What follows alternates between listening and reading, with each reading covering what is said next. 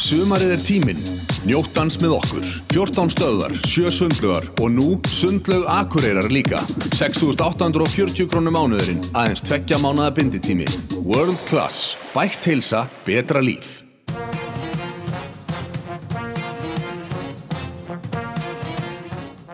Velkomin í fymta þátt af Leiðin út.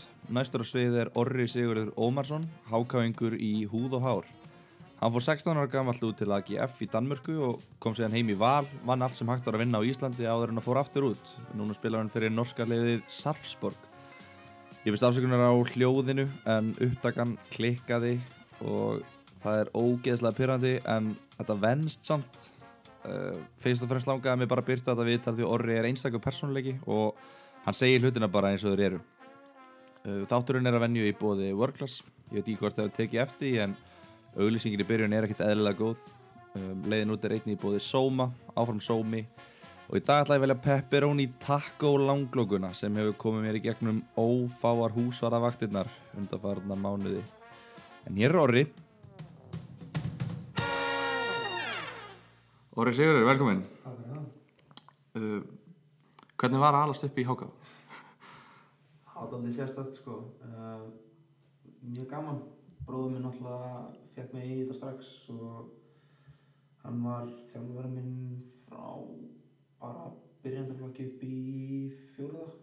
Þannig að ég var alltaf bara með honum niður í farlindi og, og fífinni og það var bara, skilur við, heldum sama kjarnar rosa lengi, sérstaklega 94-95 áhugunum og það var bara einhverjir 5-10 gauðra sem ég var ólst upp með bara frá, hvað var það,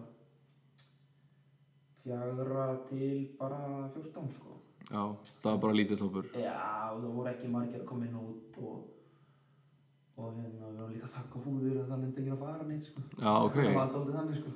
Með þá 94 Já, árgangum 94, sem eldra ár. já. Já, já, ok. Við vorum bara einhverjir, bara einhverjir 6 á 95 árgangurinn í áka sko. Það voru rosalega fáir sko.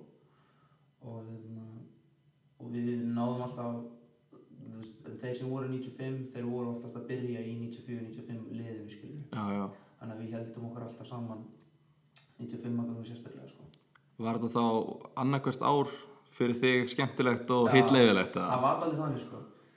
uh, þú veist svo gerðist það nú líka ofta ég fylgdi bara 94 ákvæmum Já, uh, hvenær varstu farin að svona að gera það? Ég held Ég það getur vel verið að bróðum mín að aðeins kikka þar inn Já, sko, já. og náða að fixa það einhvern veginn en hann, ég var eiginlega bara frá ég gerði, var eiginlega aldrei í byrjundaflöki ég eiginlega bara fór beint upp í sjönda og þá einu yngri sko. Já, já, og hérna og bara held eiginlega áfram þar sko var eiginlega ekkert, þú veist ég tók eiginlega aldrei þetta eldra ár í þú veist sem 95 nei, nei. Ég var eiginlega alltaf búin yngra ári 94 og svo fylgdi, ég fylgdi eiginlega 94 árunum svona því pæli Já. Þá hérna, þá er allir undirbúningurum minn farin í vaskin. ég var búin að undirbúa þetta rosa mikið að því að hérna, að því að svo segir, 95 árgangurinn ykkar var ekki stór og, og ég er náttúrulega 95 og veistu, þetta er náttúrulega byggir, þessi þættir byggir svolítið á, á 95 árgangurum sko, þannig að hérna, ég var mjög spenntið fyrir fullt af spurningum að því að með 95 árgangurinn í Háka var ekki sérlega góður þegar þeir voru eldra ári, af því að ég er búin að tala við fylgismenn og breyðablík og, og svona sem að hafa verið mitt góðir sko.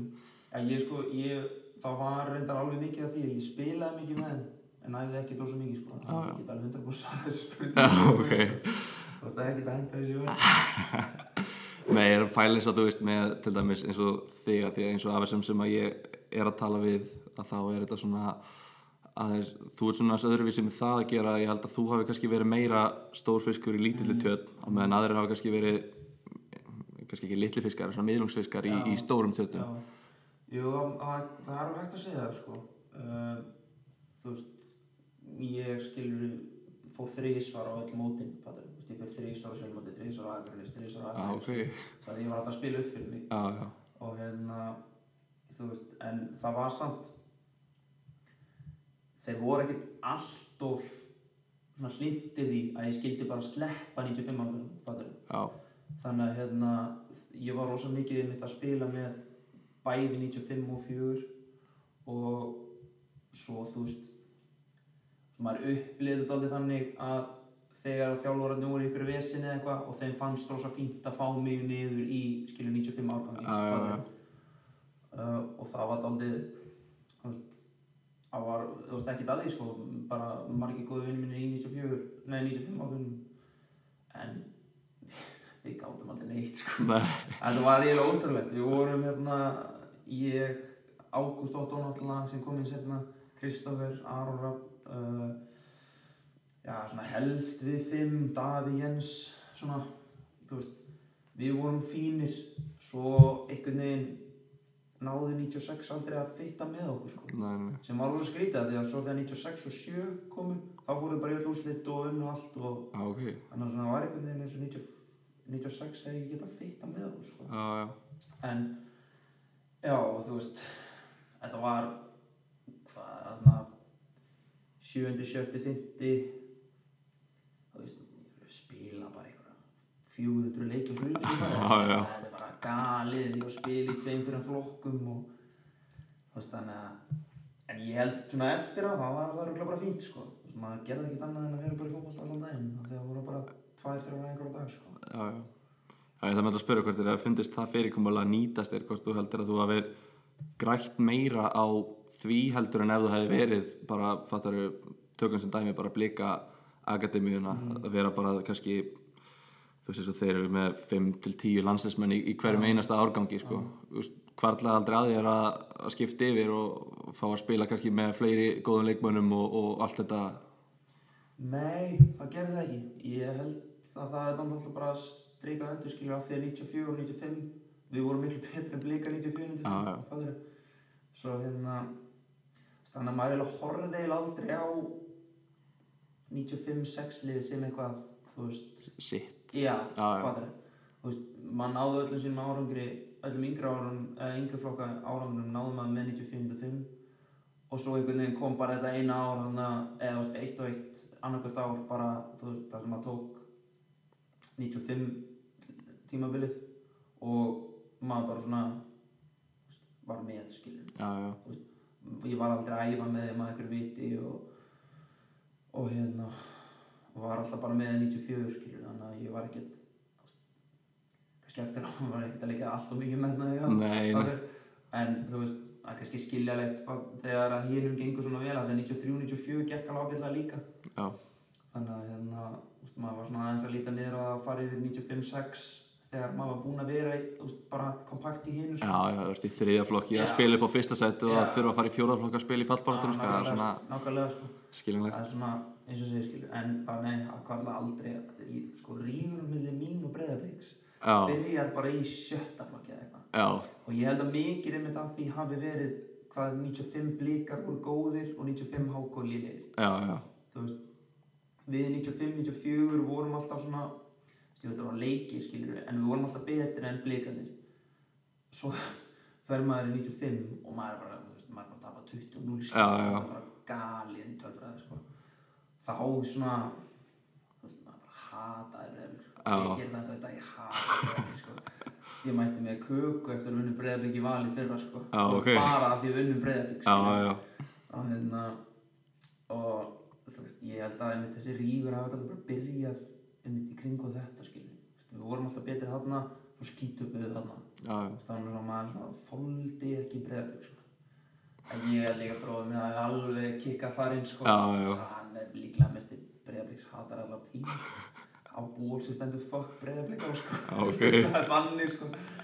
þannig að já líka náttúrulega út af því að þarna var háka í úrvasteldinni sko. já, já, Skilurðu? alveg. Þetta er þannig að- og breyðarbygg á tímabili í fyrstu deildinni Já, þannig að þau voru alveg að keppast og það voru alveg leikir þangað til að hérna, þangað til að við fjallum úr úrvasteldinni sko. já, þannig að veist, þessi ríkur var alveg mikill sko. já, já, kannski meira en fólk heldur. já og alltaf meira en hann er í dag sko. Mm en hérna, nei, það kom aldrei til greina að fara yfir sko, ekki sjens uh, þetta svona fyrirkomulag að, að, hérna, að vera alltaf að æfa með eldri strákum hvernig fannst þér það nýtast þér fattar þér og lítið tilbaka fannst þér að nýtast þér mikið að, að hérna, aðlagast alltaf meiri styrk þú veist að þú þurfti þá kannski að finna aðra leiðir til að ganga vel á vellinum eða var það tempóið eða fannst þér að nýtast þér mikið? Já, ég held það Þú veist, á þeim tíma náttúrulega pældi maður ekki sko. Nei. uh, En já, ég held það Ég Sko, bæði bróð minn og pappi minn hafa þetta aldrei verið svona að pússa á mig að ég sé ekki, þú veist, ég finn aldrei þetta comfort zone, skilur Já, veist, þannig að ég sé alltaf að fara í meira challenge og meira challenge og þeir börðust svo mikið fyrir því sérstaklega í yngri flokkum að þú veist að ég yrði ekki bestur í mínu liði skilur. já, þú veist, þegar 95 og 4 þá var ég alltaf náttúrulega með þeim betri alltaf í anlið og svona en svo það kom 95 þá þú veist fannst þeim og kannski er það rétt að ég færi bara svona aðeins í mitt comfort zone skilur þá átti ég rosa mikið að snúast um mig Já, já. algjörlega þannig að já, Þú varst þá að spila sem miðjumæður mest Já, já, ég spila allavega yngra blóðinu sem miðjumæður Já. Já, allavega og hérna svo bara, jú, ætli það ekki. Þetta hefur bara hjálpað mér að vera alltaf þú veist, vera alltaf ekki bestur, Já. skilur þannig að hérna, jú, bara, já fleiri leikir í modernverði liðum og stærri strákum og allt þetta, sko. Já. þannig að það hefur örgulega hjálpað mér í alveg 100% að því, sko þú náttúrulega venst þessu strax bara, þú ert strax bara í sjöundaflokki farin að spila upp fyrir það því þú ert að gera þetta bara alltaf, þú ert 14 ára, þú ert í fjórðaflokki þegar að þú átt fyrsta leiki inn í öðrum flokki, mm. þá ertu gælgengur í fjórðaflokk, þú ert, ég meina þú ert 16 ára þegar þú spila heilt tímabili í meistaraflokki, þú ert alltaf að spila fyrir landsliðinu og allt annað, það er bara einmitt bara heppin að þeir hafa náttúrulega trúið á mig skilur og hann leift mér að, að hérna, þú veist, vera með og náttúrulega flokkarnir ekkert, þú veist gigantist stórir. Uh, sem gæti að vera náttúrulega að hamla breðli strákunum náttúrulega. Já, já, og þú veist að þú veist, er náttúrulega ekkert eitthvað mikið verið að kíkja kannski niður ef að þú ert með 200 í hverjum hóps já, og ert, ert efstur tablu, það- sko, sko. Þú veist, það er með svo marga að velja þá er ekkert rosa mikið pláss til þess að vera eitthvað að lifa yngri strákum að spila með sko. já, Þannig að hérna, já ég meina þú veist, eins og segja skilja, þetta fylgdi mér upp alla Já. þú veist, ég var alltaf að spila upp upp upp og eins og segja, þú veist, ég fylgdi bara 94 nánast bara í öllum landsliðum og öllum flokkum sko. þegar þú ert að spila svona ógeðslega mikið með öllum þessum flokkum. Var eitthvað pláss fyrir að æfa aukala? Hvernig, hvernig varstu með auka einhver Sko Fymti flokkur og fjórðu flokkur.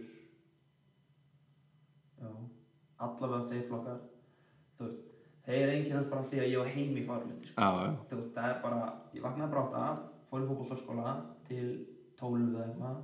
Svo var hérna Selko Sankuris sem var í hóka þá hann var með tæknæðingar ég skráði það þá var ég þarna, fekk þarna kannski hálf tíma pásu eða eitthvað.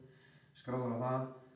Svo var æfing og svo önnur æfing já, skilur að því að þú veist, en á saman tíma þú veist, faglindur er ekki það stór þannig séð, þannig að það voru oftast bara eitt flokkur æfi í einu. Skilur að kannski kalla á hvernig á hverjum tíma eða eitthvað svo leist, Mm en ég náði oftast kannski fymta og fjóraflóðsæðingu já, og svo fjóruða og þrjaflóðsæðingu það var alltaf svona bara eftir hvort öðru.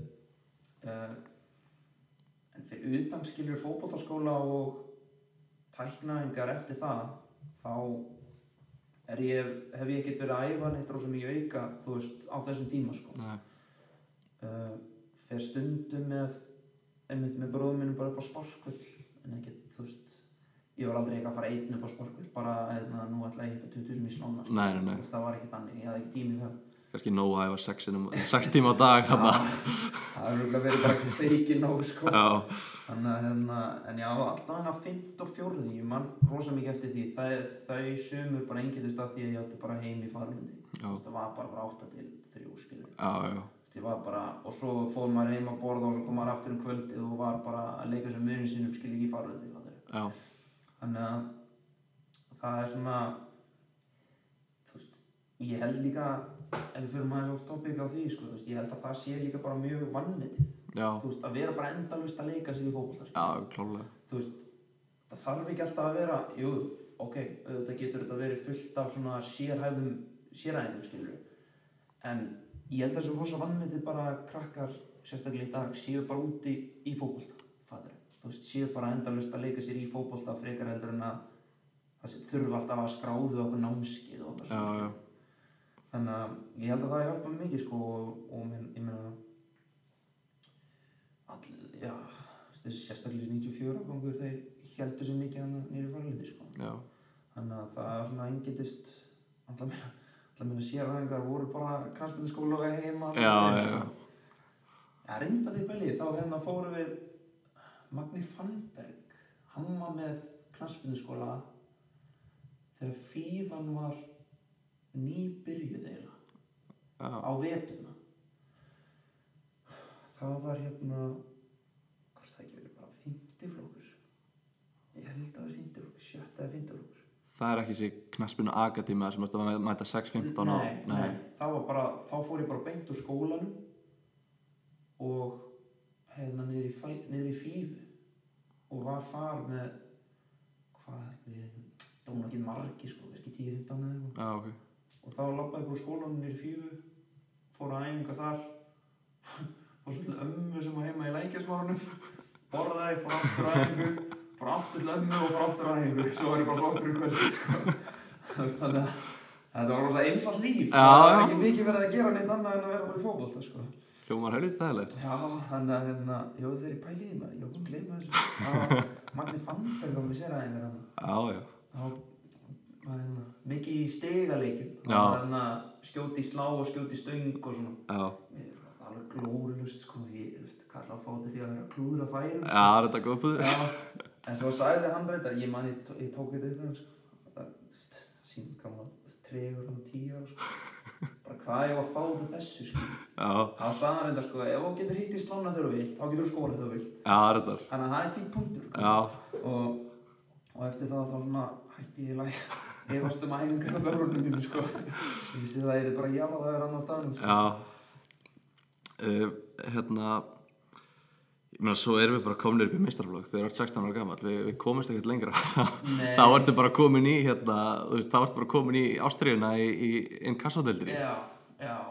Sem var þetta ekki inkassódeldinni, það var fyrsta deildinni en, en hérna, það er 2011 þá ertu að spila, þú veist, með, þú veist, spila 20 leiki með háká. Já, já ég, byr, ég kem inn á í fyrsta leik og byrja svo alla hína sem ég get byrjað. Já, þannig að sé eftir þjálfarinn bara eftir fyrsta leiki bara hvað er Já, þetta maður? Já, ég fann að bara alveg þegar hún drullið tapa sko. Já, á hérna, það var þetta tímabil ég, ég gleymis aldrei sko. Það var þegar Gary Martin og Hjörtu Hjartar og Donigan og allir þessi voru í að sko. Já, það var hlið og saman líka. Þeir voru gjössalega jarða þessa deild sko. Já. og bara fyrsti leikur Kópásöldi 3-0 í hálfleik bara Rabona spinnur og ég veit ekki hvað og þá hérna Tómas þannig já, þá hérna segja hann bara Orri, Ívar, gerum við klára þá, þú veist, maður vissi þá bara svona ok, hann er bara búinn að gefa stygg það er bara inn á mig þessa ungu stráka og það er bara ekkert verið að bælja að sigra hér. Nei, nei, kem hann inn á miðveðin og held að leikunni enda 3-1 ef mann veit ég allan að þráttu þá áttum við ekki breyk sko. nei, nei, og hérna svo bara eftir það þá byrjaði ég eiginlega alla leikina sko var settur í bakurinn hana lókin Sko með það sem að ég las, þá varst að spila sko miðvörð, hægri bakur, miðji og jafnvel hægri kant eitthvað tíman. Já. Var það eh, eitthvað bull sem ég var að lesa? Já, það er rétt. ég hérna ég spila hægri kant á móti í úti uh, það er auðvitað eini leikurinn sem ég spilaði hægri kant Og varst kannski ekkert mikill kantmaður þá í þeim leik eða Nei, nei, ég sko. bara tveir bakurir. Já, já, við vorum bara í einhverju þvælu þannig að við vorum þetta mjög betur áttum að vinna það leik en það er annar mál og hérna um miðvíunni já, það verið nokkri kannski 2-3 eða eitthvað Já, annars verður var það bara í bakverðu og miðurinn sko. Og það gekk bara svona upp og niður. Það gekk ekki rosa vel persónlega var þetta bara örgulega fínt sko. En okkur gekk ekki vel þetta tímabili sko. Það var hitt á þetta sem að sem að gekk á hana Já. í faralindinum. Já, ok. 2010 eða eitthvað, ég fann það ekki og sko. Þetta var alveg, þetta var stöldið á Þetta Það var, já, þetta var elsta árið þriði, já. Já, þannig er þú ennþá gjaldingur í þriðja flokk, þetta tímabil. já, já, já þannig er þær fannir upp í annan. Þetta hérna, þetta er akkurat sumarið eftir að þú klára grunnskóla því það er svona yfirleitt svona þumalputtaregla fyrir unga efnilega leikmenn að klára grunnskóla og svo fara út. Varstu, varstu alltaf að fara að taka þetta tímabil fyrst til að fá mistarflokksbolta eða hefur þú getað farið út þannig að beint eftir grunnskólan Nei, ég hef ekki getað það, það var ekki búið. Uh, Það var eiginlega engin einhver svona brjálar áhugi, sko sem að, á þessum tíma, sko. Já, ok.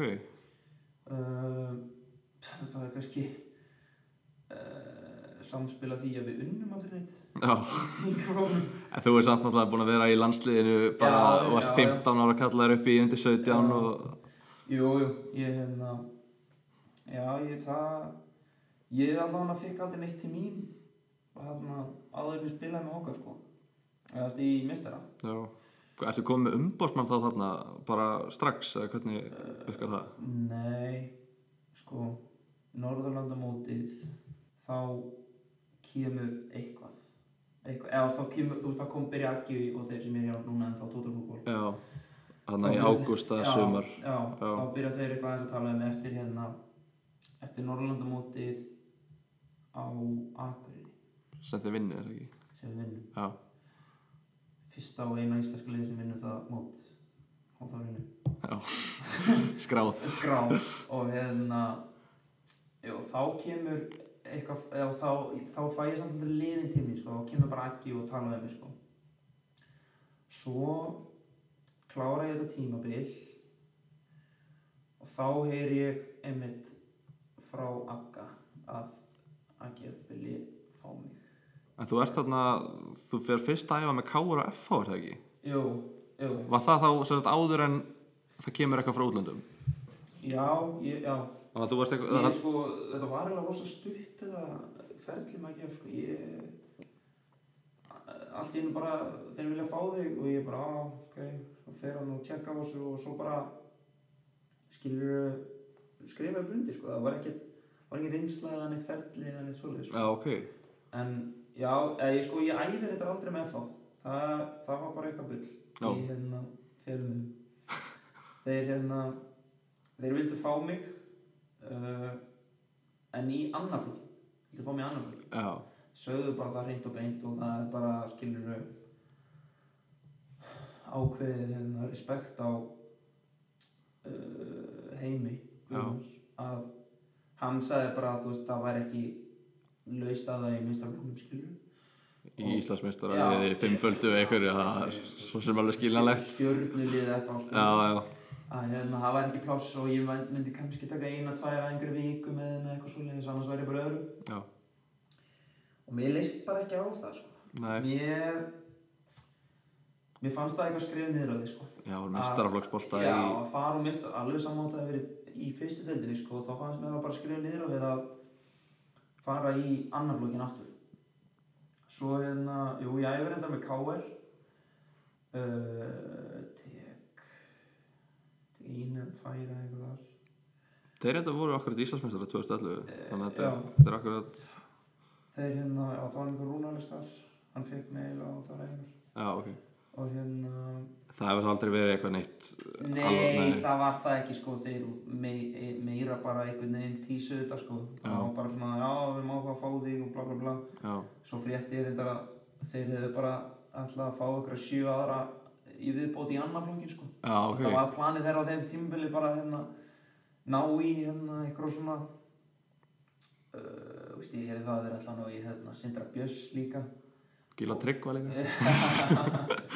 ná Hann í- fékk einhver símtöl. ná, ná í eitthvað svona stráka sem að voru í U17 á þessu tíma en voru ekki í svona toppliðum. Já. og Sindri í leikni Já, og þá sko og K.R. er þetta þannig að þeir bara, vil, þeir bara vilja leikmenn koma til sína þegar þeir eru já, og hérna, þeim fannst það bara nóg að segja já, við erum K.R. og var bara verið heiður fyrir þig að við höfum áhuga að fá því annar flókin skilur já sem ég fannst bara ekki töff. Þeir sögðu ekki beint við mig en þetta var bara svona væpið. Og hérna, og það er kannski munum að kára FH í þessu sammingi að þeir sögðu bara beint við mig FH að það var aldrei að fara, ég veist, ég var aldrei að fara í meistarflokkin. Já, Og meðan K er einhvern veginn svona að bauð mér æfingar og sögst áhuga og bla bla bla en aldrei eitthvað, aldrei gerðist neitt skilur. Þannig að þetta var aldrei neitt með einhverju, með einhverju alvöru svo sem nei, sko. Þannig að hérna, Svo bara AGF út, skrifundir, bless. já, þá AGF bara, AGF vil fá þig, ég er bara, já, býtu, það er ekki annað liðið sem er bara með öllum íslendingum. Já, þið voru hérna, hvað, Oliver? Oliver, Dotti og Arnar og Aron Jó var þarna. Já, og hérna það var orðin einhver nýlenda bara hérna í Órús. það var alveg svakalegt sko. ég Já. er svona það er ekkert þú veist kannski síni hvað maður fannst manni vera mikið kall á þessum tíma sko. Já, maður var svona þú veist einmitt þú veist búin að ganga vel í landsliðanum og búin að taka meistarflóksbólta og maður vildi ekki fara í ykkur akademíu sko. nei, þú vildi bara fara beint út sem já byrjunarlistu ég vildi það sko. Já. en þú veist eftir á ekki þá var það náttúrulega aldrei raunsæ Nei, þú veist það er ekki svo reysast að fara í meistarflokkin 16-17 ára sko. nei, Þannig að hérna, en svo bara þegar ég mætti þarna, þá var bara eitthvað, mér fannst bara eitthvað væpa þarna, sko. Mér fannst bara, mér leist vel á bæinn og leist vel á svæðið og, og hérna, bara það tók mig bara eina nótt eða ákveða mig, sko. já, Bara svona eftir það, þá bara svona, já, ég klári þetta. Og, og hérna, en ég var alveg 100% að því að ég ætla ekki að fara, fara neina reynslu, sko, þú veist. og reyta þessum do additions. Já, ég vildi bara ekki hérna ég vildi ekki fara bara eitthvað og ég er ennþá með það í dag sko, ég þetta reynsludót er ekkert. Ég er rosa mikið bara ef, ef að liðið er búið að skáta þig nú skilur og búið að sjá nú mikið og er 100% að þið að fá þig þá bara kaupir það þig uh, en er þetta ekkert fyrir þig eitthvað svona að, að æfa að sjá tempóið, bera þið saman við leikmennina og... Jó, það getur endur alveg verið sko. Uh, en einhvern veginn finnst mér þetta bara meira þú veist mér finnst þetta bara meira þitt að tapa skilur mm Já, að því að ef þú kemur hann í viku og svo kannski að þetta er bara eins og þegar þú komið nýtt svæði ert kannski einn skilur já, og þú átt kannski lélega viku já, þá bara svona, heyrðu, úff, gamli þetta var ekki gott sko. Frekar heldur en eins og þú veist að ég vekkert að því að fara að mæta og sjá aðstöður eða sjá æfinga, sjá leiki eitthvað svoleiðis. Mhm, en eh, þú veist að fá mér einhverja viku, tíu daga og það sem ég á bara að vera on og vera að sína mig skilur, já, það er svona kannski fórsetu þessu pínu Já, röglar. mér fannst það bara, þú veist, mér finnst það bara ekki hillandi sko. Þannig að ég var rosa litið þessu, þeir vildi bara fá mig að núti þrjá daga, bara sjá svæði, sjá allt rastlið og, og hérna taka ákvörðun sko. Já, Og það tók mig bara, einmitt, þrjá daga að finna eh, eitt af þessum, að bara taka ákvörðun og mér leist vel á þetta sko. já. Þú, þú vildir ekkert sjá hvað, hvort það væri eitthvað meiri bóði eða... Nei, ég hérna, nei, bara bæði það líka, að maður var ekkert búin að heyra neitt, veist, Já, neinn almennan áhuga fyrir en að gef kom sko og hérna já, þú veist það er eiginlega svona var þetta var ekki eins og ég hef verið að velja milli ykkur að liða sko. Nei, nei, nei. það var bara annarkvört AGF eða HK eiginlega sko. Og hvað var það planið þegar þú ferð út? Þú veist, hvernig, þú ferð út og ert að spila með undir 19 ára liðinu eða? já, kem ég 17 já, þú veist, á 17 ára aldri. Já, og fer eiginlega bara beint í 19 liði samt sko. Það eru 19 þjálfari sem sækja mig. Já, og eh, ég er eiginlega aldrei með 95 árgumnum sko nei. Þú og Oliver eru saman í U19, já, já. ég og Ólfur á náttúrulega Dotti þegar hann gæti æft sko uh, Var hann ennþá þegar þú... já, hann náði einhverju um fyrir fjórum mánuði menn ég var hann Já, og svo fer hann heim Já. bara út af meðslum. já, svo var hann heim hann er hérna já, ég kem bara beint í 19 og er, er ekkert með í 17 eða, fyrsta árið tökum við ykkur að tvoleikja því 17 ára leiði var ég ykkur topparútu og hérna þá mætið við hann og tökum ykkur að tvoleiki og við áttum svona, ég og Oliver áttum að fara niður og svona tryggja þeim títilin eitthvað bull, sko. þú veist það bara hérna, það var svona þeirra plan að Lyfta byggarnum Já, saman. einmitt, sko.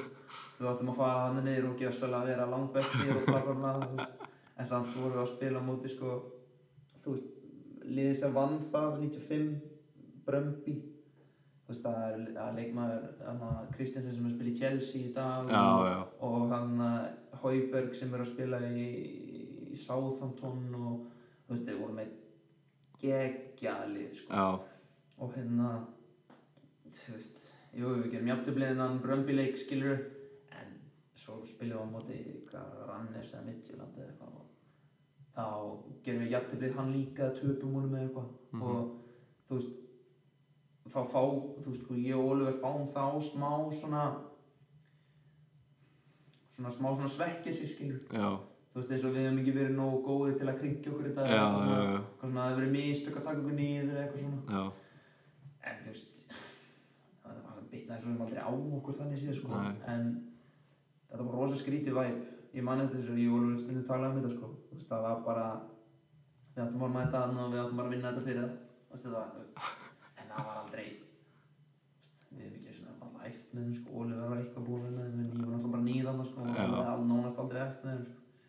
þetta var rosa skrítið svona þetta var rosa sérstök stemning að fara hana einhvern úrslita leik á móti hínu liðin sem voru í öðru seti skilur já, bara Og- glænýr Já. líka að vera bara eitthvað sælir, ég er kóngurinn, ég ætla að tryggja þetta. Komin inn niður og en það var að fara að gera svona Hallið ykkur bara aftur að sjá ég horfið bara á mig á miðinni sko. þannig að þetta var mjög skrítið en já, ég fyrir beint í 19 og og ég ætla að segja þetta ég hann bara verið í 19 alltaf öll þrjú ári sko. Já, En ok. þessi, þú veist uh, fer sem sagt tek eitt ár alveg í 19 það er þegar við erum að yngra árinu jú 2012 eða Já. ekki Já, þegar við, við eigum basically að vera í U17 já, og það gengur mjög vel. Það er lið, það, þar lendur við öðru seti með við 19. liðnum sem er besti árangur að gefa yngri flokkan allan sem ég veit ennþá um. Mhm, þetta er tvisan á því áður. Og hérna og þar spilum við alla er sagði sko ég, Ólfur og Arnar Algers Já. á miðinni flotta fríflóðum fókbalti þar sko. Geggjaður. Fókbalti það sko og hérna Ólfur spil í tíunni maður svaka inn í þessa þannig í hóðinni sko og hérna uh, það gengur bara mjög vel sko og það líka var eins og ég segir mjög góður svona skilningar á milli okkar þryggja þú veist við vorum með rosa skýra sín á því hvernig við vildum spila fattarðu? Mhm. það var ekkert eitthvað það var ekkert eitthvað að þú gerir þetta svona og ég gerir þetta svona skiljum Var það synkronisera við Já. mistaraflokkin líka, hvernig þeir voru að spila? það var það eiginlega ekki sko. Nei, sem að sýnir bara hvað ekki fyrir skrítin klubur í dag sko. Þetta er hérna, maður sér, það alltaf meira og meira. Þetta var, þetta var bara eitt lið, eitt lið, eitt lið, eitt lið já, skilurðu? engin einhver heil stefna. Nei, við spilum 4-3-3 við 17 spila 4-4-2 aðalegi spila 4-4-2 og 4-5-1 og bla bla bla. Og hérna við spilum bara alltaf 4-3-3 og hérna vorum bara með okkar fótbolta skilur en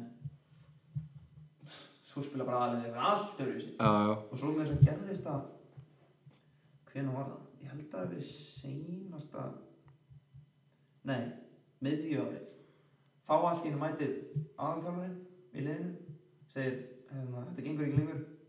Þið hérna færa að spila 4-4-2 þú veist við okkur í unningum já, og við bara ha, 4-4-2 það bara, já, við erum að spila 4-4-2 en í aðaliðinu, þannig að þeir spila 4-4-2 og ég bara Jesus maður, hvað er í gangi? Hérna, förum á móti hann hvort rannis að sunnur í skeiða eitthvað svona? 3-0 í hálfleik við veitum enginn hvað hann átt að gera það var allir bara einhverju bulli það var bara og þjálfur labbaði líka þannig klefa og hann bara strákar. Þetta gengur ekki. Við fyrir aftur í fjórumfjóra fjórumfjóra og það var bara út spilið venjulega þú veist þetta gengur ekki. Og við unum leikið fjóðu þrjú. Já, ok. Þú veist það var bara þetta var bara gali sko, og eftir það Nei, nei, nei, þú veist, það var alveg saman hvað aðlega stjórnarinn sagði, sko. Og hérna, uh, þetta var flott tímabil sko. Já. þetta var líklega bara eitt af skemmtilegum tímabilum sem hef spilað sko. Mm það var, þú veist, gekk rosa vel landslið inn í þessu. Og bara já, bara skemmtilegt sko. Það var bara, eins og sé, gekk vel á báðum stöðum og það var ekkert ekkert hægt að kvarta með því sko Svo fer þessi U19 þjálfari ykkar hann tekur sem við aðliðinu eða? já, það er sem sagt seinasta árið mitt. Jú, seinasta árið mitt. Eða, ok, seinasta tímabilið bara spila einhvern veginn. Þá hérna er ég sem sagt með þrjá þjálfara. Uh, fyrsti þjálfarinn Pítur Söðursson hann var að falla með lið bara gegn með illa. Mhm. og allir mjög brjóðlega út í hann og hann var svona, var í við þegar hérna töpuðum ykkur leik. Og eitt sem heitir hvað heitir það, Ossi var Ósama Akaras. Eitthvað annað Akaras. Tekið bara viðtal beint eftir leik sem hann ætla ekki Mm það var bara að labba að honum að því að því að hann væri svona gíkkur sko. Já, labbaði hann bara upp að, upp að hérna, varmannskílinu og það bara akkur töpuð og hann bara fór beint í bara að ég minna þjálfarinn lítur að setja bara illa upp. Já, ok. Bara beint. Og það var, þú veist, þá var okkur búið ganga illa og vorum að falla og það var allir á móti þjálfarinn og hann hérna svo bara daginn eftir á þá var bara svona 10-20 fjölmiðamenn bara fyrir utan klúbhúsið bara býði eftir honum sem að þjálfarinn. Já, og hérna og hann tekur okkur eitthvað nákvæmt fund og bara strákar eitthvað svona ég er hættur bla bla bla gaman að sjá okkur eitthvað þú veist ennvæður með eitthvað bla bla bla eitthvað tekur í spáðan öllum og svo lappa bara út og og hérna fyrir ég allir sér við til að það fjölmjörnfólkinu en svo náttúrulega þú veist það var enginn til að taka við þannig séð. Mm og hann tekur við þessu 19 þjálfarinn. Og hann á bara að redda þessu frá falli skilur, hann á bara að redda þessum málum. Ég man ekki einhverju vonlösi stöðu sko, það var bara eitthvað tíu stíð örugt sæti eða eitthvað svona. Já. Og bara einhver sjöleikir eftir eitthvað. Og Bara beint í fjóra þrjá þrjá. Já, Það ekki? Beitu 19 liðið inn og þetta veit þessu. Nei, En var, hann var ekkert að taka neina upp, veist Nei, þið- hann var alltaf sko hann gefið þannig að þegar það það er bara allur bærin á þér Já, já, og það er ekki þú hefur ekki tíma í það að vera með eitthvað tilrunastarfsemi sko. Þú það, það áttu bara að redda þessu liði og það áttu bara að gera allt til þess að gera. Þú tóku sko ítalska pakkan hérna á hótel bara í tvær vikur skilur Já, ok. Þú veist, það var bara, þetta var bara fárið, sko. Og hérna, og, en samt á sama tíma, þá hugsaði ég svona, ok, þessi er að koma inn, mér er ekki vel með honum, og honum er ekki vel með mér, núna fæ ég aðeins hérna, kannski ég verið í hóp eða eitthvað. Og sérstaklega, ég meina, ef að gefa fellur að þá náttúrulega er næsta tímabil væntalega að opna styr fyrir þig Já. Nákvæmlega.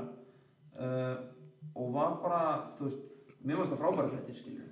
Mér varst frábært að hann var að taka við. En svo bara, þú veist, ma og maður skinn, þú veist, því að ég var að æfa bara með minnstaflokka þessum tíma, veist, maður skinnjaði, maður skinnjaði bara veist, það var bara, veist, ef eitthvað gekk illa eða eitthvað spil var að æfa upp spilið eða eitthvað blá blá, gekk illa, þá bara svona tensaðist hann allur, skilur, sem að var, sem ég, hef aldrei kynst áður í 19 nei til dæmis. þú veist bara svona tensaðist hann allur og og maður var bara svona þú veist þetta var bara alltaf enn manneskja skilur, af því að þetta var fyrsta svona alveg jobbið hans og allir bærin á bakinu á honum og það var bara allt þú veist þetta er alltaf að kosta djúvillig mikið fyrir lið að falla sérstaklega á já, að þú veist, maður, ég kynntist því bara að vera í kringu liðið í úrvasteld og fyrstdeild þetta er bara, þú veist, þá voru komin í fyrstdeild þá bara, þá voru, voru ekki vassflöskur já, þú veist, það bara, nei, allir í kranáðin það er, þú veist, það var bara svona eitthvað svona litli pingulitli sem bara svona hurfu. Mhm. bara svona sem maður taldi bara svona bara svona gæði, það bara svona hurfu. Já, já, og hérna og hann fjall, náttúrulega,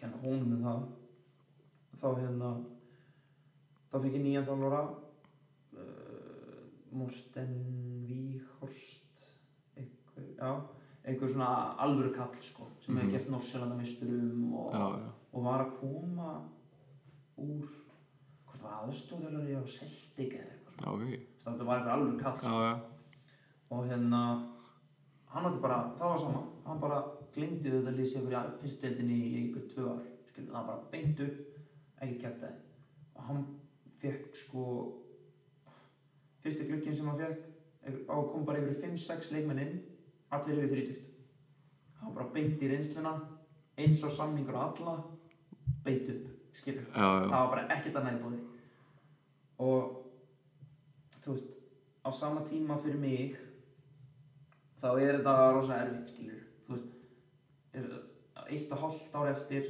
af samning og þú veist er hvað 18, 19 18 og 19 að koma upp og reyna einhvern veginn að svona veist, það, það, það er svo lítið plás og ég skil það núna, ég skil það ekki þá það er svo lítið plás fyrir einhverjar, eins og Þú veist, það er svo rosa erfitt fyrir mann sem kemur inn fyrir svona stóran klubur svo að gefa það er ekki að fyrir þessar klubur í já, þótt að þeir séu með allt og háa væntingar og viti ekki alveg, alveg risaði sko. Þá hérna þú veist, er svo erfitt fyrir mann að koma inn og segja þeirra já, hérna orri hérna 19 ára Íslendingur hérna sem er bara búinn að spila með 19 og 17 skilur ég ætla ekki að honum sens prófum hann á kantinum Já, og flottir á, á áká fyrir nokkrum og árum. geggja hérna á Akranes í 2011 ég ætla að prófa hana hér í gætið það er svo erfitt fyrir svona menn að þú veist að mæta og ætla að vera eins og segi vera með eitthvað tilstæðsmi, spila ykkur ungu leikmönnum og og- já, að því að það eina sem klúburinn hugsa um er bara við ætlum upp.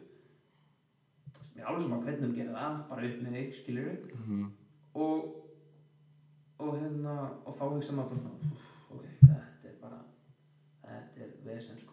Ertu ekki einu sinni farin að æfa með aðaliðinu? Jú, ég ert að æfa ég, þú veist, ég vil byrja að æfa með aðalinu bara eftir fyrsta árið Já, já, já. skilur, það, Já. það var ekkert þeim var alveg sem að hverju á æfingum sko. Þannig séð, það var ekkert það var ekkert verið að pæli því svo lengi sem að hópurum var svo sami sko. Og alveg sama hvernig þú stóðst eða já, einhvern já, þannig séð, þú veist, ég var aldrei sendið niður aftur eða eitthvað svo leið sko en hérna, Ég meina, fannst þú á æfingum að þú, ég meina, með þess að þrítuga gæja sem kom inn, skilur, varstu að finna að þú væri betra en þessi gæjar, að fannst þér þú virkilega eiga heima í liðinu eða var þetta bara, shit, ok, þeir ákveða bara að henda fullt af peningum í þetta, djúvill er þetta mikið af reynslu miklum og góðum leikmönnum og bara þetta er helviti þungur róður fyrir mig. já, þú veist uh,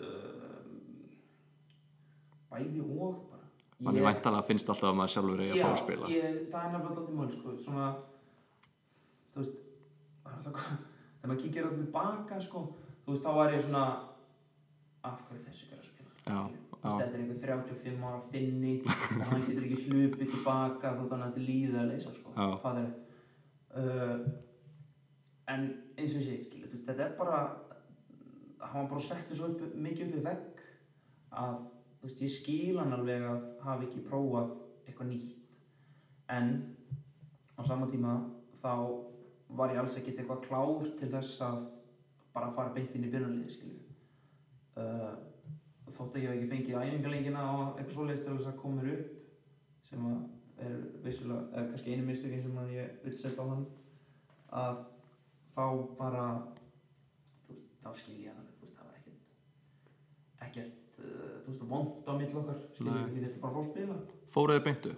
já, fóru beintu Mér voru þeir að rústa deildinni eða var þetta, Mm. það var ekkert pláss til að gefa ykkur tækifæri í lokin og sína hvort? Nei, ég held að þetta var bara sigla, þetta dálítið bara líknu sjóru upp sko.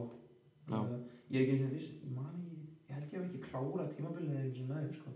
Ég fer að þeim áramótin. Uh, Já, heim í, í já, heim. Ég held að tímabilið er ekki verið búið sko. En þeir voru eftir skilu og voru alltaf að fara upp. Það var ekki það. Já, uh, en hérna þú veist ég var bara og ég sagði það líka við hann skilu ég var tæ, hann tók mig á fund sko og er þrjá mánu eftir eða. Og það, þú veist, sko senast ári er bara eitthvað, þú veist, það er bara versta ár bara æfinir sko, þú veist, þetta er bara skelvilegt sko, það, þriði árið uh, allir íslendingarnir farnir já, sem er veist, þegar maður er með fjóra til fimm Íslendinga í liðinu þá er maður ekkert að byggja neitt eða það var ég ekki að því. Og það var kannski annað eins og Ólefur hann í skóla að ég var ekkert að byggja neitt rosa stert tengslanett út fyrir já. uh, þannig að þegar þeir fóru þá upplýði mér dálítið bara svona einn eftir skilur Mhm. jú, jú, ok, hann hérna hver kom, Helgi Valur hann kom Já, í AGF senasta hálf árið og hérna hann kom og ég sagði þú veist það er rosa erfitt fyrir einhvern 19 ára stráka að vera bara hérna með 30 ára manni eitthvað. Chilla skilur flottu gaur og, og við vorum fínu félagar sko á æfingum og svona. En ekki, þú veist, maður geta hanga saman eftir leik, leikið æfingar skilur þannig að eftir það eftir að þeir fóru, Oliver, Arnar og Arnjó það var ég rosa mikið eitt sko. Og þú veist, á sama tíma með allar heimsóknir og svona þú veist þegar að fjölskyldan veit að maður er að koma heim. Fattur, þá nennar það ekkert rosa mikið að vera Nei. á heimsókn sko þú veist þannig að kannski kannski átta mánuðina senustu þá var ég skilur. Það er hægt að segjast vera með fimm ára samninga á borðinu og þú veist, þannig að það var bara svona það var rosa niðurdrepandi þetta senastu, senastu átta mánuðir skilur. Líka bara býðast þetta sé búið. Það svo var búin að sko. sætta sig við Já. ég er ekkert að fara að gera nýtt já, hérna það var alltaf þannig sko. Maður var bara svona þú veist, eitthvað svona meiðsli hér og þar bara eitthvað svona lítið drastl og, og hérna maður bara svona uff, uff, uff skilur og svo var þetta líka orðið þannig að þú veist, í liðinu sjálfu þá voru þeir bara svona byrjaði bara svona að gefa Þú veist, það var einhver, einhver 19 ára gutti frá Íslandi þeir bæði hatist er ótrúlega já, og hérna bara sem að svona var þarna bara og svo er náttúrulega það þú veist, ekkert sjálfströst hjá mér á æfingum og þá gekk illa. Já, og þá fekk maður alla á móti sér og bla bla bla, þetta var bara svona þetta var bara svona snjópolti og það endaði sérst á því að hann hérna tekur mig á fund og segir hérna uh, ég vil gera hálfsárs samning við þig, þú veist, framlenginu og ég er bara svona Til- til hvers? Já, þú veist, ég er bara svona af hverju, skilur, þú veist, ég, ég, þú veist, þú ert ekki að fara að spila með næsta hálfa árið, var hver voru rökin hans fyrir því? Ég man, ég man það ekki eins og, sko, þetta fóð bara inn um eitt og út um hitt, sko, hann hann náttúrulega kom frá Englandi líka, sko, og það er greinlega einhver hefð fyrir þessu, Já, Það ok. bara svona stutti samningar. Já, og hann sagði bara, ég vil gera hálfsárs samning við þig, þess að út þetta tímabil greinlega það, já, og hérna og, og eitthvað, þú veist, ég hlusta ekki hérna rest sko. og ég bara nei, nei takk. Nei ég held ég bara, ég það bara veist ég hef enga vini hérna, ég hef ekkert að gera hérna, veist, ég er ekki að spila neitt veist, allir í liðinu er orðinir þreyttir á mér þannig séð, þeir bara búin að gefast upp á mér. Og ég þarf bara að komast eitthvað þar sem ég liði vel. Og hann er það, "Já, ok," var ekki alltaf sáttu við þetta. Sagði mér að hérna eitthvað, þú þarft ekki að eiga vini í liðinu. Þetta er bara að það vinna er bara eitthvað mest að þvæla sem ég heyrt sko. Bara hvernig ætlar að njóta þess að mæta okkur mest að degi og átt ekki einn vini í allir liðinu já, sko. já. Og hérna En varstu, varstu að hérna varstu að fara eitthvað út fyrir liði skýru í, í félagskap eða varstu bara einn skýru? nei, ég var bara eitt sko. Já, ok. Það, þú veist, eftir á er það er það, er það kannski mistök en á sama tíma eins og segir skilu, þú veist, maður var bara búin Já. maður var bara að byrja að býða Hvað ertu að gera? Veist, hvernig ertu að tækla þetta? Þetta er svo langt tímabil þetta er, næstu í heilt ár að fullt af einhverju ömölu dæmi skilur. hvernig ertu að vinna í andlega þættinu bara, hvernig ertu að láta þig nenn að vakna á mótnana yeah. er einhverju íþróttasálfræðingur þarna eða ertu að nei, nei ertu bara að skæpa mömmu eða hvernig svoleiðis. já, þú veist bara kallmennskan harkit af sér og halda kjáttið ég, sko já, kannski Já, þú veist, var það kannski þannig bara? Bara bara klára þetta mm, það var bara basically þannig. Já. þetta var bara svona ég vissi hvað ég var að gera þú veist, það, voru bara 8 mánuðir jú, jú, þetta er langur tími skilur en bara láta sér hafa þetta skilur það var ekkert þú veist það komur þetta aldrei upp eitthvað rifta? Nei, ég veit ekki alveg hvort af hverju bælti ekki því. En já, bara það var eiginlega ekkert sem ég gerði sko, það var bara eitthvað hanga og, það var ekkert í gangi sko. Spila nógu mikið FIFA? Já, ég spil ekki eins og Playstation sko. Nú. þannig að- Já, ég þarf bara að byrja því sko. Ja, glórulaust. Þetta er að Crash Bandicoot koma aftur. Ég Já, er að býja eftir Spyro. Já, Spyro, þá er maður komin í alveg nostalgíu sko. Þá kaup ég með Playstation En ég hef ekki á því að Playstation 1 sko og það, ok. það, Ég hef aldrei dótt inn í þetta tölvut sko. En, en hérna, ég ætla að spyrja eins og síðan þá, skilur við núna þú ert búin að koma heim og, og bara hérna, farin aftur út, þú veist, ertu meina eins og núna, skilur, ertu farin ertu eitthvað að gera með andlega þátti núna eða er þetta bara svona að þú reyna að læra á reynslunni og bara nýta þér fortíðina til að díla við nútíðina? Mm, Já, þú veist Þú ert Ég, ég búin að- að sko. sást ekki eitthvað ljósið, þú ert farin að hugleiða og, Nei, nei, Jésús Nei, ég er ekki þannig það Ég Það maður þetta kannski það niður á, endanum sko. Er það ekki? Já, gæti alveg sko. Nei, ég veit ekki, ég held bara Ég held bara í dag Þá Þú veist, horfi ég miklu frekur á bara veist, Ok, vissulega er ég ekki komin á sama stað og þú veist, spilalega séð og var ég að gef en þú veist, ég held að þetta sé bara miklu meira bara svona nota þetta bara sem áskorun skilju, bara þú ef þú ert ekki að spila þá bara fer í ræktina að fara að vinna í hlutum eða eitthvað já. sko. uh, og líka það eins og núna skilur að eiga þú veist, tvö og hálft ár eftir fattar Mm. þá svona hefur miklu meiri tími heldur en eins og segir, skilur, átta mánuðir já, já, það svo erfitt að fara að samna svo átta mánuði þú er búið með tvö ára og tvo skilur skil. þannig að hérna ég held að það sé meira bara einmitt þetta bara nýta þetta sem bara áskorun sko. Uh, en á sama tíma þá reyni ég eins og heitan eldin að fórast eitthvað mótleiti svona almennlegt sko. Það er bara ég höndla það ekki vel sko. Það er þú veist ég hef verið rosalega heppinn og þú veist í gegnum all, öll, liðin að fá spiltíma sko. Já, þannig að ég hef ekkert þurft kannski að höndla eitthvað svona alvöru, alvöru nei, nema bara þú veist, þegar það gengur illa þú veist, í leikjum og já. en ekkert eitthvað svona að sitja á bekknum og vinna sín líf endalust þannig að hérna en já, kem til vals saman 2015 Já, einmitt, kemur, hérna, kemur heim.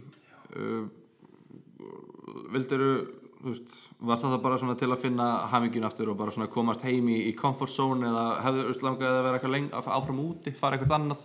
Mm, Nei, nei. Þú vildir bara koma heim? Já, ég er rosalega bara fyrsta árið úti þá áttaði mig bara á því að Ísland er besta land í heimi. Já, og það er svakalega vannmetið að vera í kringu fjölskyldu og vinni einhverjum minnsta degi sko. mm uh, þú veist, það er alveg ótrúlegu missir að missa þau á hverjum einasta degi sko. þú fórst einn út já, fór einn já, ég, og aftur núna sko. Veist, það er bara ekkert það er bara ekkert hægt að lýsa því sko. Nei þetta er bara allt, allt annað dót sko. Hefðu þið viljað fara fá eitthvað með, eða var það í nei, ég hef ekki viljað Nei. það nei. Og ekki heldur eftir á sko. Veist, eftir á að hyggja þá bara held ég að þróskast um svona 7 ár Já. á svona 3 árum skilur Já. bara þurfa að lifa einn og gera allt þetta sjálfur ég með þess að fekk svona svona heimilisfræði bók Já, ok. eitthvað svona alveg Hvernig á að skúra já, hvernig á að skúra og þrýfa og hvað merkin þýða og bla bla bla sko þú varst þannig sérfræðingur í etiki Já, na, fú, það er, er, er næsta leið sko. Jesus. Ég kem ekki þangað sko. Ég er bara á meðan það stendur þetta og þetta og nota ég þetta og þetta.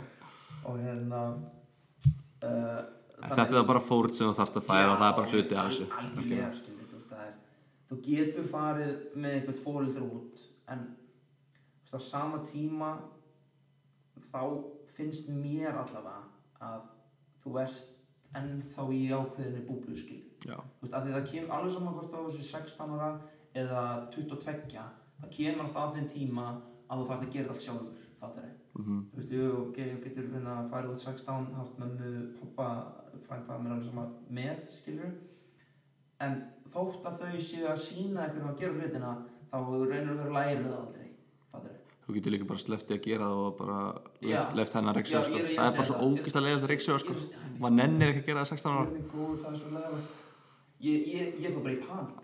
Ég var með púlsur um daginn ég var þrý íbúðum mína ég var í 100 pluss púls bara allan tíma með skúr og þrý bara. Þetta er gali en þá er með eins og ég segi skilur þú veist að þú þarf alltaf að gera þetta á einhvern tíma og skilur rífa plásturinn að bara. já þú veist bara klára þetta. Já, og svo bara þú veist að því raun og veru sko þetta er svo dæmisaga sem ég lærði þetta myrku það er tveir menn sem fara saman að veiða skilur, fer út á bátinn og svo er einn sem veiði bara og hinn bara fær fullt af fiski og blá blá blá svo langar hinnum að fara að veiða og þá fer hann út á bátinn en svo kann hann náttúrulega ekki að veiða að því hinn veit allt fyrir hann skilur og þannig að þú lærir aldrei ef þú gerir ekki neitt sjálfur. Það er hár rétt. Já, já, ég skil, ég skil það. og hérna og, og, og það er dálítið það sem ég tek með mér í þetta því að veist, ef þú prófaði ekki áfram sjálfur það er alveg sama hvað hver sýnið er nógu mikið oft skilur að þú, þú lærir þetta aldrei fyrir en þú gerir þetta sjálf. Já, og hérna þannig að það kom aldrei til greina að, að uh, eitthvað myndi koma með mér sko. Nei, og fjölskyldu aðstæðuna voru líka bara þannig að það var ekki búið sko. Já. En svo kemur þú heim. ég kem heim og já, Er það þarna sem að þú ert að ákveða að þú vilji vera miðvörður? Það er eina af þessum forsendum fyrir að fara í vali það er bara Bara ég ætla að vera- 50% ástæðan, myndi ég segja Já, uh, þú varst, aðeins búin að vera í Já, bakverð ég náttúrulega ekki í landsliðinu búin að vera í bakverðinu sko. Já, og hérna og kem heim í val þar á fund með stjörnunni og káir og það sé stjarnan já, stjarnan segir við nei, við getum ekki spilað í miðvöði að þá voru þeir nú í Brynjangöta já, uh, við viljum ásetja hægri bakverði og gætir á einhverjum tímapunkti spila þig inn á miðjuna. Já, sem ég veit að bara kæfta þig af því að þeir vissu ég að vera vildi þannig sé vera miðjumöður skilur já, þannig að þeir ætlaði bara að nota þá til að að fá mig yfir. En ég sagði bara, just, ég meina ég er að koma inn sem miðvörður þú veist, ég get ekki Þú ert búin að ákveða það ég er að hvernig, hvernig var eða, fyrir maður síðan það eftir Já, Já, þú veist, ég, ég, hérna, ég var bara búinn að ákveða það, Ég tók það bara, tók það okkur með, hérna, umbóðsmönnum, bara að þetta væri bara mín staða. Mhm. og við ætlum bara að vinna okkar áfram hérðan og hérna, uh, svo fyrir að finna með The KR og þá var Bjarni Guðjóns aðalþjálfari, já, hann mætti ekki eins og áfundin, hann var í Suður Afríku ah, ok, hann gæti ekki mætt, þannig að ég talaði við Gumma Ben. Bara titlaskapurinn og Já, þetta var svo ég, þú veist sko, pappa fjölskylda er pjúra káir fjölskylda. Já, og mér líður ekki drosa vel að vera að tala ítlum káir en mín reynsla káir er bara það Ah, er ja. bara, þú veist já, það er bara ekki gott sko. Og hérna þá fekk ég dálítið aftur skilur bara við erum fáið hægri bakurinn og getum ekki lofað þér sæti og neitt bla bla bla. Og hérna og ég bara já, þá voru þeir að sækja Rasmus. Já, og ég bara veist hljómaði ekki vel skilur og svo talaði við Val og þá bara mætti Börkur þá mætti Ditti, þá mætti Óli þá mætti Bjössi, skilur það var bara fimm manna teimi sem var satt bara við borðið þegar ég mætti, skilur já, og þú veist, Óli bara eins og nýja, skilur bara, við fáði Val, við fáði miðurinn þú byrjar fyrsta leik sem þú kemur og svo bara þarf þú að spila á liðin skilur og ég bara, já, réttum við pennan nákvæmlega, þú veist, ég var bara svona ok, töff. Já, sleið Já, þú veist, þetta var bara svona, þetta var svo einfalt. Þetta var bara, þú veist, okkur vanda miðvörð Þú færð að spila miðvörð og þú færð bara, hérna, veist og ég held og ég veit að hann tekur þessa nálgun á mjög marga, sko. Já, Þú veist, bara þú færð tröstið svo er bara þitt að spila þið úr liðinu, já. Skilur Mér finnst þetta viðtalið er Ólafur finnst það fyrir Já. valmaður Já, ég vaknaði bara og, og svo næsta sem ég veit er ég bara mættur á hlýðranda það er geggjað sko. Ótrúlegt sko. þannig að þetta var bara þetta tók ekki langa tíma sko. Nei. uh, hérna En þú ert þá ekkert búin að spila neitt sem miðveg, ég meina þú veist, Valur er svolítið að gamla, er það ekki með? Jú. Þegar þú veist ekki búin að æfa neitt, ef þið er eitthvað með mikið eða bara í landsliðinu alltaf búin að spila í miðverið Já. yngri liðunum Já, við 17-19 uh, og hérna já og náttúrulega 21 setna en þá er ég íval jú ég er íval þá með Já. 95 Jú, það varst ekki í hægri bakur þá? Jú, nei ekki 95 þegar Já, ég- ok, þegar ok. 92 og 3 voru þá er ég hérna baki Já, en já hérna þá ef mér tekið bara þú veist ég meina ég mætti náttúrulega að vera miðverður og Pepsi þetta lið og flottu klúpur og, og hérna bla bla bla. Og hann bara skrifundir svo bara fyrsti leikurinn minn er Keflavík í Reykjanesvöllinni já, þá var hérna eitthvað lingjubikar eða eitthvað. Að því var ekki gjaldgengur allan, allt Reykjavík móti já, ok. það er eitthvað svona það er eitthvað svona glugginn er ekki opinn fyrir fyrir, fyrir nefti Reykjavík. Já, februar já, eitthvað svona algjör bull. Þannig að ég stóð upp í stúku allt Reykjavík móti og ég held að fyrsti leikurinn í lengjuna hefði verið á móti móti Keflavík. Og svo annar leikinn ég, ég með aldrei glemma annar leikinn að spila á móti í og þá hérna sagði, sagði Bjössi hérna var eins og hérna sparkar markmaður þetta langt? Átni, já, er hérna já, sparkar hann dálítið langt. Ég veit, að ok, ekki náttúrulega svo bara sparkað hann og sparkað og sparkað og ég bakað og bakað og bakað og bakað svo var ég komin inn í vítatig þá loksins lendi boltinn og þá var ég á seitt og þá sparkaði ég bringuna Gara Gullaugs Já. líka gullt já, fyrsta gulla spjaldið þetta er tvo leiki. Og ég bara, úff, hvað er ég komin úti hérna sko? Já, þannig að ég mun aldrei gleyma þessum tveim leikim þetta var, þetta var rosa sérstakt sko. Og svo kemur það 2015 tímabil og við svona erum bara allt í lægi þú veist. Þetta er ekkert vinnum, vinnum byggarinn og veist, erum bara að spila allt í lagi sko. Já. þetta er ekkert þú veist sko munurinn 2015, 16 og 17 er að 17 erum við bara stöður skilur, Mhm. 2015 þá er ennþá dálítið í þessu jójói líka veit alveg eins og með hvernig Óli Jó talaði, Já. hann veit alveg þarna 2015, hann er ekki með meistaralið og hann er bara, þetta var bara, gerði, þið voru með eitthvað plan í gangi þetta þryggjar á planið Já, ekki? Jú, og hann hérna, einmitt, þú veist, já, já kannski fara til það, hann, hann alltaf talaði við mig þegar ég mæti og þú veist, hann segir bara, já, að þau erum að selja mér þetta náttúrulega, þá var hann alltaf ný líka, sko, þú veist, hann og Bjössi er að taka við þegar ég kem, ok. árið þeirra líka. Já, og, þú veist, hann alltaf bara heiðarlega og segir bara, þú veist, við erum með, við erum með fíntlið, þú veist, ekkert, ekkert meira það, við erum með fíntlið á næsta ári verðum við mjög gott lið. Á þriði ári verðum við frábært lið. Og ég er bara já, ok, flott og svo bara, þú veist ég, ég veit ekki hvort að hann gerir þetta við fleiri sko. En hann tók mig alltaf og Bjössi líka, tók mig alltaf reglulega á fundi sko.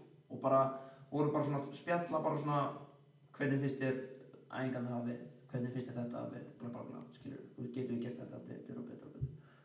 Og og hérna og svo kemur, já, fyrst tímuleg minnum byggarinn uh, Patrik er á eldi fyrir út Kitty á þokkala tímubil og ég spila alla leiki held ég, jú ég spila alla pluss byggar, allir bygg- byggar já. Fannst þér hérna, eins og með þetta, þetta fyrsta tímabilið, eitt svona heila tímabilið sem miðvörur, fannst þér ekkert mál að lappa inn í nýja, nýja, innan gesalappa stöðu, þú ert alltaf búin að vera í henni þú ert yngri, en það komið þarna ágættis tími þar sem þú ert ekki búin að fá að spila miðvörð, mm. Var, var auðvelt að aðlaga snýri stöðu?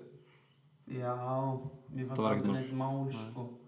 En kannski með, veist, eins og með ákvörunina, hérna, þegar þú ert að, ert að tala við Akka og einhverja um, um að verða miðvörur, hvað hérna, hvað var það sem var til þess að þú ákvast það, fannst að skemmtilegra eða var þetta praktíst upp á, ég veit ekki, landslið eða atvinnumannuferil eða eitthvað? sko þetta bakvaradót kemur eiginlega bara eiginlega bara tilvíðin sko. Veist, ég var aldrei bakur sko. var aldrei neitt bakur svo bara er ég þú veist, allt í henni bara komin í bakur og æfum mjög ekki eftir uh, sem er bara, ég veit ekki svona af hverju og spila bakverð í 21 hjá Jóla þegar þeir eru 92 og 3 mótilin í gangi þar og það er einhver æfingamót í æfingaleikir í Wales það sem var bara allir nýr það bara, ég man að það voru nýlega viksla það voru tveir sem var búin að vera að það já, svo var bara 13 fyrst það var bara lélegast að nýlega viksla allra tíma sko. það var bara svona hver og einn fekk bara svona 30 sekundur og fundur þá bara eitthvað 10 mínútur. Já, og hérna og þá þá setta mig í bakur sko. Ég var ekki alveg Vist, ég, ég, ég skildi ekkert af hverju sko. en þegar maður er tveim, þreim árum yngre en hinnir og spila í landsliðin skilur, Já, já. þá bara spila maður bakvörð mm. það er ekkert eitthvað geggja það að byrja Já, nákvæmlega, skilur, maður bara spila bakvörð og ég, þú veist, mér leiði ekki vel, sko, veist, ég var bara, ég var bara í hafinu þannig að fannst mér, sko, veist, ekkert hvað ég var að gera og ég bara spilaði einhvern veginn og einhvern veginn. Greinilega vel, fyrst þú festist þarna nokkurn veginn með landsliðinu. Nákvæmlega, svo bara allt í einu hópurinn tilkynntur, þá var ég bara þar og ég bara hafa flott maður. Og hérna, með Sverri og Hötta og Gumma Tóta og Kristján Gauta og allir með þessum verum og svo bara berðanlið, þá var ég alltaf bara hægri bakur og ég, þú veist flott skilur, bara ok hvít, ég þurfa hvítar Úslandi fyrsta leikur minnum Já, og hérna spila hann og bara þú veist, stæði mig þokkalega og svo bara held ég þeirri stöðu skilur það var ekkert ég var alltaf eitthvað frábæð bakur skilur það Nei. var eiginlega bara svona þriðji hafsendin einhvern veginn. Já, ég skil. Ég fór ekkert mikið upp eða Nei, þá, og ég hef alltaf verið fín einn og einn skilur þannig að hérna að meðin spilaði bara einfalt og varðist sko Já. og bara var það ekkert vesen sko. En hérna ég var aldrei neitt bakur ég, það er bara miskilningur einmitt það voru margir sem held, einmitt halda það og heldur það af því ég var að spila það í hérna Já. 21 og það er kannski líka svona stjórnun og káver til varnar að það var svona eina sem kannski þeir eru séð af mér já, ég skil. Skilur þeir voru þeir vissi ekkert hvað ég gati í miður En þú vildir ekkert vera miðjumæður heldur af því þú ert náttúrulega kemur upp alla yngri flokkana sem miðjumæður Jú, sko svona ef við kannski förum þá yfir í landsliðans uh, fyrstu sko ég fer yfir annað yfir 15-16 þar sem að uh, þar sem er bara eitthvað helgi og þetta eru bara eitthvað sjölið eða þetta eru bara eitthvað hundra svona skilur. bara eitthvað sjölið og og hérna þetta var í kórnum já. og, og þá spila ég á miðunni og, og úr því verður eitthvað svona eitthvað, eitthvað mót svo við kallið upp í 17 þar sem 94 liðið var. Þá var ég, Dotti, Hjörtur og Oliver. Og það var Gunni Gunna þjálfa. Já, Gunni Gunna þjálfa. Og hann sem bara miður það var búinn að spila miður all, all lengur Já, ég var heldur betur maður. Ég er ekki kynast ég fór heim eftir þetta og sagði pappa ég ætla aldrei að mæta þessu landslæðingur aftur. Ég fyrir aldrei og ef það fyrir það að minn landslæðsferðis verður bara 0 þá, verður það bara þannig. Ég mun aldrei spila í þessum djú miðurleik skilur og ég var brjálaður af því að mér fannst þetta svo leðilegt og örgulega allir hini strákandir voru bara pappi þetta var geggjað ég var í landsliðsverð og vá hvað það var gaman, ég elska landslið og einn reyður í kópáinum Ég var brjálaður að spila ekki í minni stöðu og, og hérna og vera þarna í ykkur miðverði bara bla bla bla skilur við búin að vera þarna í þriði og fjóraða flokki eitthvað að dreif honum og eins og ég veit ekki hvað sko. en þá hérna uh, sá sagt Gunni það greinilega bara að veist, ég var fínn að spila boltanum og hef alltaf verið og það gætt nýst í miðverðum skilur að þegar ég var, veist, ég var alltaf dálítið stór svona með hérna. Þannig að ég var aldrei, aldrei nóg snöggur eiginlega til þess að vera þú veist, til þess að vera að hugsa hratt og taka þessar litlu snerpureyðingar já, skilur já, þannig að hann setti mig bara miðverðin og ég var á miðverðinum bara eiginlega jú, bæði 17 alltaf við 19 eitt og tvo leiki á miðinni í 19 í kýpur með hérna með 93 og 4 árðunum og svo var ég bara miðinni Þannig að landslið hefur svolítið verið að móta stöðuna þína, já. það var ekkert eitthvað spila ekkert mikið inn í að þú varst kannski að æfa miðvörð eða hvað sem varst að æfa með félagsliðinu Nei, ég uh, það var eiginlega bara þetta bara eiginlega þetta þessar fyrstu æfingar og svo fyrsta árið. Veist, ég var líka mikið á bekknum. Á hérna Hjörtur og Sindri Snæfells að spila miðverðin Já. í 94-95 og hérna og þá ekki svo að hata ég þessar miðverðarstöðu skilur Já, og svo bara næst er 95 er á eldra árinu eða eina árinu þá hérna er ég að spila miðvörð og, og okkur gengur vel og ég er að spila þetta leiki og blá blá þá var þetta bara dálítið þannig líka uh, landsliði þá var ég bara miðvörður. Og svo í félagsliðinu var ég bara miðvörður já, en svo bara svona eftir að hlutinni þróust skilur þá bara svona byrja ég að hérna einbetta mig meira að miðverðinum sko. Þannig að þetta var Guðum sem að Startaði þessu? setti mig í miðverðin hann vissi betur en ég sjálfur og aðrir þannig á þessum tíma. Já, þetta var það er- úff. fyrir kannski aðeins hérna aðeins meira í yngri landsliðin á eftir smá Já. en hérna já, bara svona östöð með val, tökum kannski já ok, ég minna með val skilur þú hérna, þú verður tvöfaldur byggamestari og Íslandsmeistari á þriðja árinu og þeir bara, bara rústi tíðanbölinni fyrir að það er ekkert, flóknarlega það og þú ert þarna já, ert, ert líkil maður bara í, í, í valsliðinu og ert ert að spila bara mjög vel. Hérna þetta eru samt þrjú ár sem ert að spila þetta heima. Langaði, þegar þú kemur heim til vals, hvernig hérna, varstu bara geðvitt rólegur yfir bara já, ég er bara ánæður að koma heim til Íslands að Ísland er best í heimi. Eða varstu langaði strax aftur að komast út Uh, bæði bara ég sko ég var rosalega ánægður að vera komin heim rosalega ánægður að vera komin í bara flott umhverfi og flott uh, lið og, og hérna hafði full að trúa því að veist, þetta er þið bara að gegja mm -hmm. en á saman tíma þá ætla ég alltaf að vera bestur í þessu liði. Já, já. Þú Prófa ætla- það. já, nákvæmlega ég ætla bara að vera bestur í þessu liði og sjá hvert það tækja mig skilur. Mhm. ég ætla bara að vera eins bara, ég ætla bara að vera flott í þessu sem ég var alls ekki í 2015 en ég ætla að vera 2016 t- sko, ég get alveg veikinn það núna að 2016 ætla, átti að vera miklu betra ár en það var hjá mér sko. ég ætla að vera, að því 2015 þá var svona komir inn, bara ná að fá meistarflóðsleiki, bla bla bla Mm uh, að, líka því það var svona þetta sem vant á sífið. Ég var búinn í fyrstu dildinni að eiga 20 leiki en þú veist það bara telur svo lítið.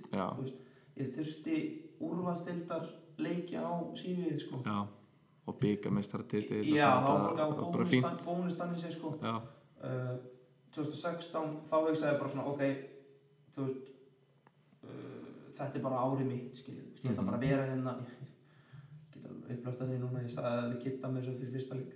Ég sagði hérna bara rétt að hann var að flöta já, bara tók ég hendur hann og sagði Kitty, þetta er okkar ár. Og á hans ár en ekki mitt en og hérna uh, ég ætlaði ég ætla að vera miklu betur 2016 en ég var 2016 uh, en varstu þetta ekki að fá alveg fjölmiðla, pepp og eitthvað svona?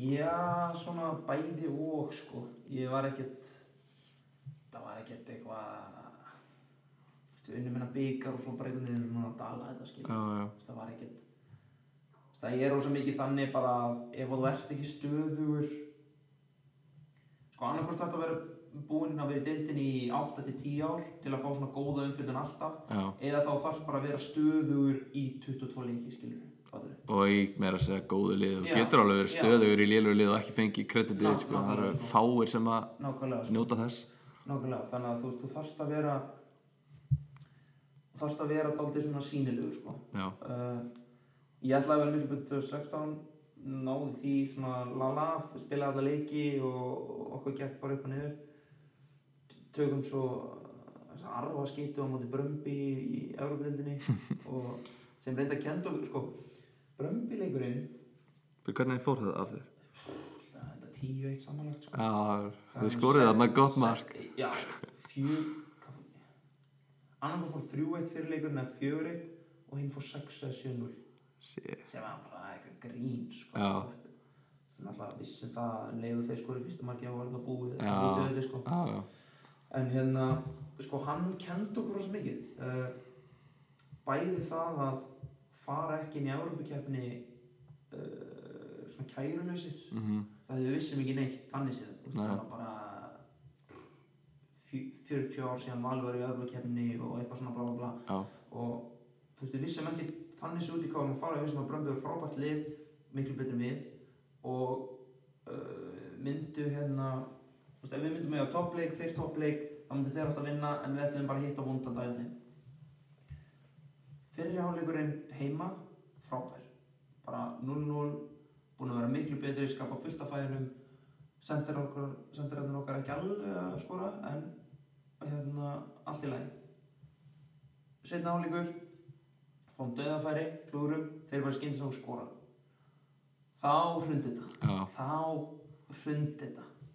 Svo bara á næstu sjö mínútunum þá voru búin að skora þrjú yfirbúti vont, sko. bara með handa tíma púki frammi sem að bara ef hann sér markið á skora sko. helst púki Gjössamlega oh.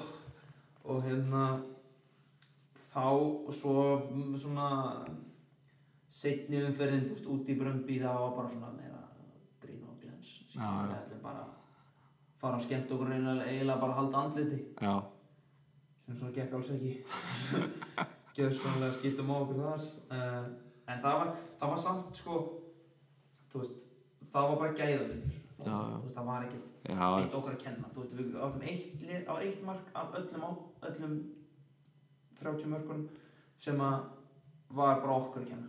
Annars var þetta bara pjúra gæði í þeim og bara getumunur og hlaupamunur og form og allt þetta bla bla bla.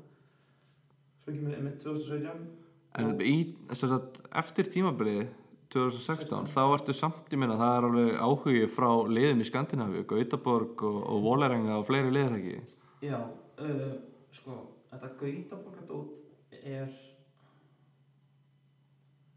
er mjög skrítið. Uh, þeir einhvern veginn höfðu samband við Total sögust að áhuga að því að hver, hvað heiti meðurinn sem var hjál, Hjálmar Jónsson eða eitthvað svona? Já, hann var hætt að hana og annarkvæmt aðeins hann bent á mig eða þá að hann er líka á Total, ég veit ekki. Já, ok. Ég veit ekki hvernig þeir sáu mig sko. Og þeir sögst á áhuga en svo bara er einhvern veginn gerist aldrei neitt skiljum Nei, ok, þú veist það kom aldrei neitt tilbúið eða neitt. Svo veitum Vólerenga hann að prísjössunni 2017 og það bara svona upp og niður tekið einhverja viku tek hérna þú veist það er eiginlega eina skiptið sem ég farið á einmitt reynslu já, eins aftur. Og hérna og vera bara svona uff það, þetta er geðmennur skilur þú veist það það kom bara possession spil á æfingum þar sem ég bara snýr mér í ringi sko. Já, Þú ok. veist, það var bara miklu miklu hraðar. Langaði að fara út eftir þetta tímabil? Mér, mér langaði það sko Fannst þér þá, ég meina, þú ert, þú ert að spila þarna í, í, ég meina, góðu liði í, í Pepsi-tildinni, þú ert, ert garantera með byrjunliðsæti þar. Mm. Var þetta eitthvað þannig að þú nefndir ekki að fara út, ég meina, út af þessum æfinguskýru ef það er svona geðamur, fannst þér þú ekki vera tilbúin að fara, sko ég, tilbúinn að fara jú. Ég hefði líklega ekki farið inn í byrjunlið nei, mér finnst ólíklegt. Uh, ég var tilbúinn að fara það var, það var alveg klárt sko. En hérna og ég átti ég spilaði eitt leik hana með þeim einhvern veginn leik og átti bara fína leik sko en þú þú veist þú veist, ég fekk rosa gott feedback skilur við, þá bara hérna þú veist, flottir í þessu, bla bla bla flottir, flottir, flottir, getur munni með þig eitthvað, bu, bu, bu. en svo bara einmitt sam, að koma aldrei neitt Já, ok. alveg svar sko, Nei. sem er þú veist, sem er bæði skrítið og lélegt að liðin get ekki bara annað tekið að skarið Já. eða þá bara sagt nei, skilur það var svona það fannst mér ekki töff sko uh, Því svo lendir hann mitt í því aftur árið setna Mhm. eftir örurnir Íslandsfjöstar með Horsens og það var nú hérna það var sko.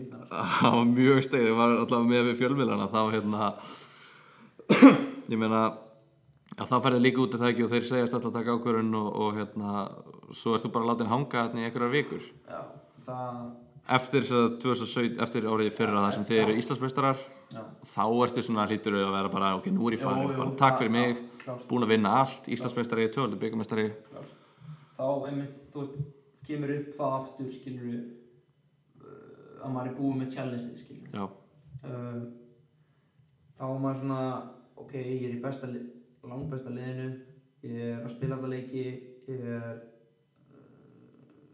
eitthvað, skilur og þú bara líka hafðir ekkert mikið að gera þetta Nei, sumar. nei. þú hefðir alveg geta verið bara heimaður í Playstation að spila kra- kats, þú veist, krass nákvæmlega sko, það var hérna þú veist þetta er bara rosa mikið svona að þú þú veist, þegar þú ert í besta liðinu þá eru veist, það eru bara ákveðin leikir sem er bara auðvitað aðrir, það er bara svo leiðist já, og, og ég bara, þú veist, ég horfði bara á tímabilið, eða ég horfði bara á val og sagði, ok, hérna eru 22 leikir. Þú veist, 10 af þeim verða rosalega erfir uh, 8 af þeim verður bara svona einhverjir sem að hérna uh, við bara eigum svona sigli í gegnum mhm, og svo kannski tveir þar sem ég þurfti ekki svona að spila skilur, Já, já. farin uh, og, og það er kannski ljótt að segja það en skilur en það er bara, það er bara staðrindin þú veist það er bara það mikið getumunur í þessari deild að, að hérna, það koma alltaf þú veist það koma alltaf kannski 2-4 leikir á tímbil það sem þú ert bara í, í gýr 2 og samt vinnur 3-0 skilur uh, þá hugsa ég bara ok ég get ekki ekki, þú veist ég bara ég verð bara gá hvort ég get ekki komist eitthvað annað. Mhm, uh, það er eiginlega ekkert samt sem kemur upp í raun og veru nema náttúrulega þetta hossistótt. Og hérna ég fyrir þangað og þú veist danska úrvastildin bara Já. eitthvað eitthvað bara geggjað skilur það fyrir engin úr úr íslensku dildinni beint í dönsku úrvastildina þannig séð nema náttúrulega kjartan henni gerði það en hann var að lausa samning sko. Uh, og hérna þú veist, þetta gerist eiginlega ekki þannig að þetta var bara geggjað. Mhm, svo fer ég hana og veist, Horsens ég meina þessi klúbbur þannig séð er líklega bara minna en vanur sko. Já, þetta ok. er bara eitthvað þetta er ekkert svona danska úrvasteldin feelingur sko. nei, nei, um, en allavega ég fer þarna og, og það er bara, þú veist, æfingarna bara flottar og, og ég svona upplýðið aldrei samt svona það er svona líkamlegir yfirbyrðir skilur, þetta er svona kraftafókbaltalið þetta er svona, þú veist, það voru sendirinn eða voru bara 2 metrar og 120 kíló það voru bara svona maður átt bara ekki breyk. Og ég fer þarna tek leik á móti ykkur uh, B-deltaliði eða voru í fyrstdeldinni eitthvað fyrst B-deltalið og fyrir 0-0 eða 1-1 annarkort og þeir bara, já það gekk bara allt í lagi skilur, þetta var ekkert. Síðan pluss það er náttúrulega áðurinn ég fór á ég búin að vera frí í mánu já, skilur, þú veist, ég var þetta var í, einmitt, november og oktober var bara off, mm Mhm. ég vissi ekki aðeins nei, og hérna, ég var búin að frí í mánuð og þeir vissu það, ég sagði það við þá skilur, þú veist, ég, ég sagði bara, "Herra, ég, ég er ekki búin að vera inn á malmölu æfingum henni í mánuð og, og þið, þú veist, verður bara að taka mark á því, skilur. Það bara, já, ekki mál, ekki mál, við bara, við vitum það. Þegar mér þess að beint á það beint á það úr sæktasjósverðinni á val já, uh, vorum hann í Budapest og svo fer ég hérna og tek leikinn og svo fæ, þú veist, ég fæ aldrei neinn eitthvað svona, þetta er ekkit neikvæð svör beint, þetta er bara svona þetta gekk, þetta gekk vel við verðum bara í bandi Mhm. skilju. þjálfarnir var líka búin að tala um Já. að var, við tölum að svona, já, við tókum alveg marka því að Já. hann var ekkert búin að spila þetta var svona smá bras en svo var þetta fínt og, já. nákvæmlega sko en það virðist bara ekki hafa skipnir máli af því að uh, við sem sagt eðlilega bara þristum mikið á það bara hérna uh, þið eru ekki búin að gefa okkur svar núna í, í þrjár vikur eða eitthvað. Að þetta var bara þannig að ég átti að koma út og skrifa svo undir var bara, ég var búinn að fá samningstilbúð í hendunar og bara dröfta samning, skilur og, og hérna, það bara leit allt þokkalega vel út og það, ég ætti bara út, spila, heim pakka, basically. Já, og svo kem ég heim og það bara svona, eru þeir ekki búin að gefa svar í tvæðra vikur? Og þeir bara, já, hörðu, á hérna við erum að býða eftir hérna, stjórnafundi í næstu viku. Já, ok, ok. Og við bara eitthvað, Ef þeir hefðu svarað, Já. ef þeir hefðu sagt ef þeir hefðu búin að býða í tvær vikur, ef þeir hefðu sagt já, já, heyrðu, ok, jú, kontu hefðu þeir farið þá, er, spilar ekki inn í svona, þú veist, er þetta ekki svona verið að sína svona þú ert ekkert eitthvað brjálaslega mikilvægri þegar að plönum greinilega Ég veit það bara ekki, ég, ég er að hugsa aldrei svo langt sko. En hérna, uh, allavega þá byði, eitthvað þeim byði einhverjum tveim, eftir einhverjum tveim stjórnafundum Já, og svo var alltaf bara, nei, við þurfum að finna pening og við þurfum að hérna, að þeir þurfum alltaf að kaupa mig. já, Við þurfum að finna pening og okkur vantar líka sendir og eitthvað svona bla bla bla. mhm, Og svo þegar annar stjórnafundur var búinn þá bara svona, erum við gamlega okkur þetta er og ég eiginlega sko uh, sko ég nýtti mér það náttúrulega líka bara að nota ég man að annarkvæmt Maggi Mári Elva ekki hringdi mig Já. og hjörstu hjört þar með já, og spurði mig bara um s- stöðuna á þessu og ég svona, þú veist eig, eiginlega tók bara það ákvörðun í síman að ég ætlaði bara að slaufa þessu skilur já, þú veist, ég er svona þú veist, ég var ekki búinn að sva, fá neitt svar frá, Horsens eða neitt og ég sagði bara, já, ég minna, ég, fyrir bara að hætta þessu sjálfur eða svara mér ekki. Og svo bara svöruðu mig ekki og ég sagði bara, er það ok, gleymi þessu, skilju já, mér fannst það líka bara ákveðið svona ekki kannski power move en meira bara svona, þú veist það setti mig miklu betri stöðu að hafa sagt nei og ekki láta, þú veist, raskast með mig frekar en að frekar en bara býða á hakanum endalaust og svo bara svona vona, skilju þannig að það uh, svo staðan var, stó- staðan var þannig að þeir bara, þetta bara feitað út einhvern veginn. Já. það er dálítið málið. Hvað er það sem að þú ert að uh, kannski ef við berum saman til að setja í samingi við erum alltaf búin að fara yfir þegar þú ferð út fyrst og svo núna þegar þú ert á leiðin út aftur. Mm.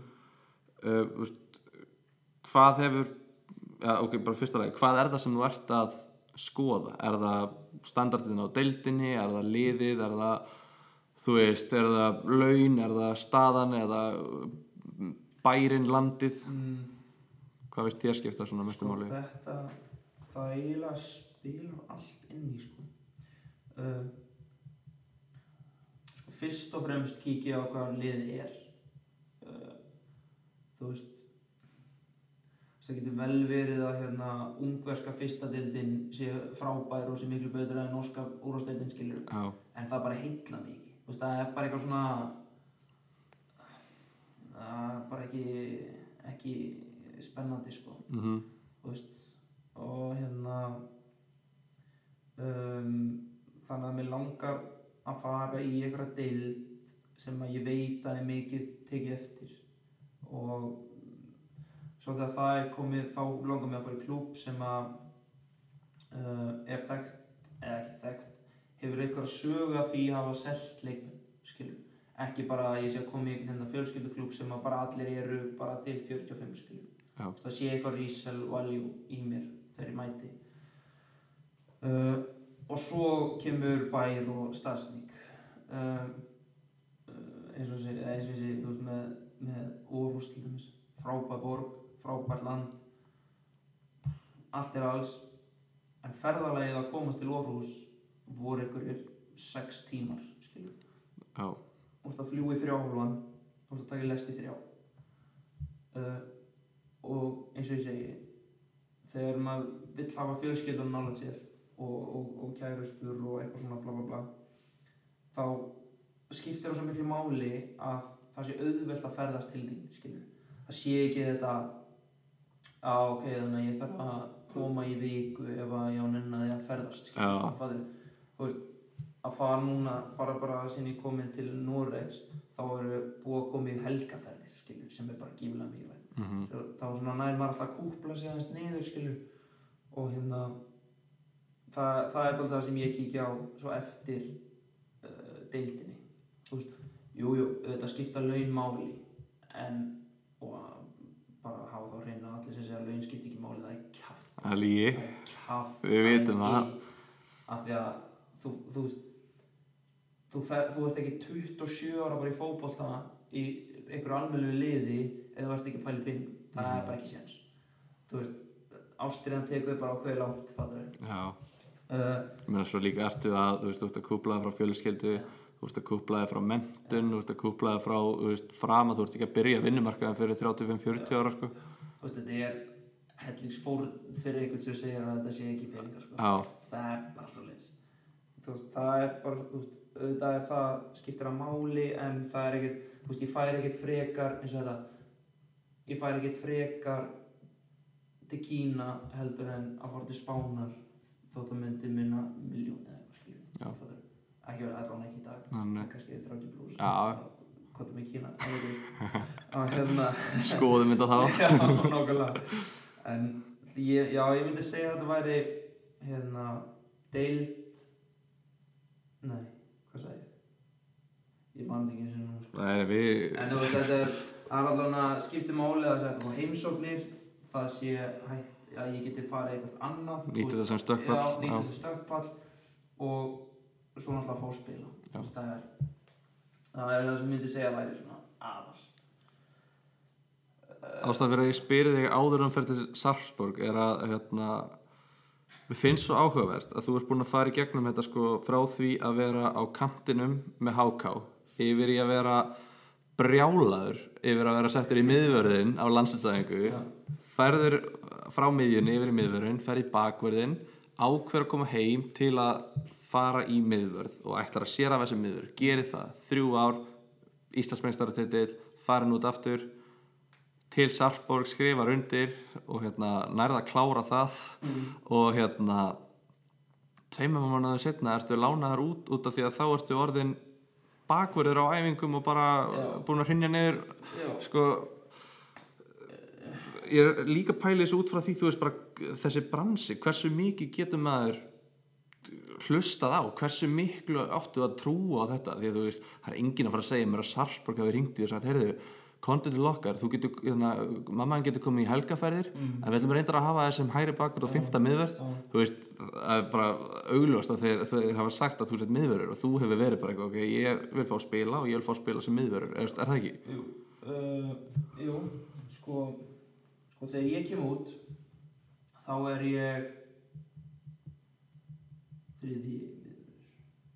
Já, ég er þriði miður þegar ég kem út. Já, og bara að fara í bullandið samkeppni já, og, já. bara í samkeppni og, og hérna Þetta er eitthvað lið sem var í Evrópu. Já, það er ég að byrja núna Já. þegar að spila um DBF Já, alveg og hérna uh, sko já, ég kem að þessi þriði og það, það eru fjóri miðverðir en ég kem að þessi þriði miðverður og plús það að einn miðverðurinn er að fara að hætta núna í sumar. Já, ok. skilur eftir, núna í og samlingum búin uh, þannig ég hugsa, "Já, ok, þú veist, það bara þá verð ég bara þriði og best og bekknum og berjast blála svo uh, ákvaðið að fá einn frá Flóra Tallinn á lán sem sagt út þetta tíma Já.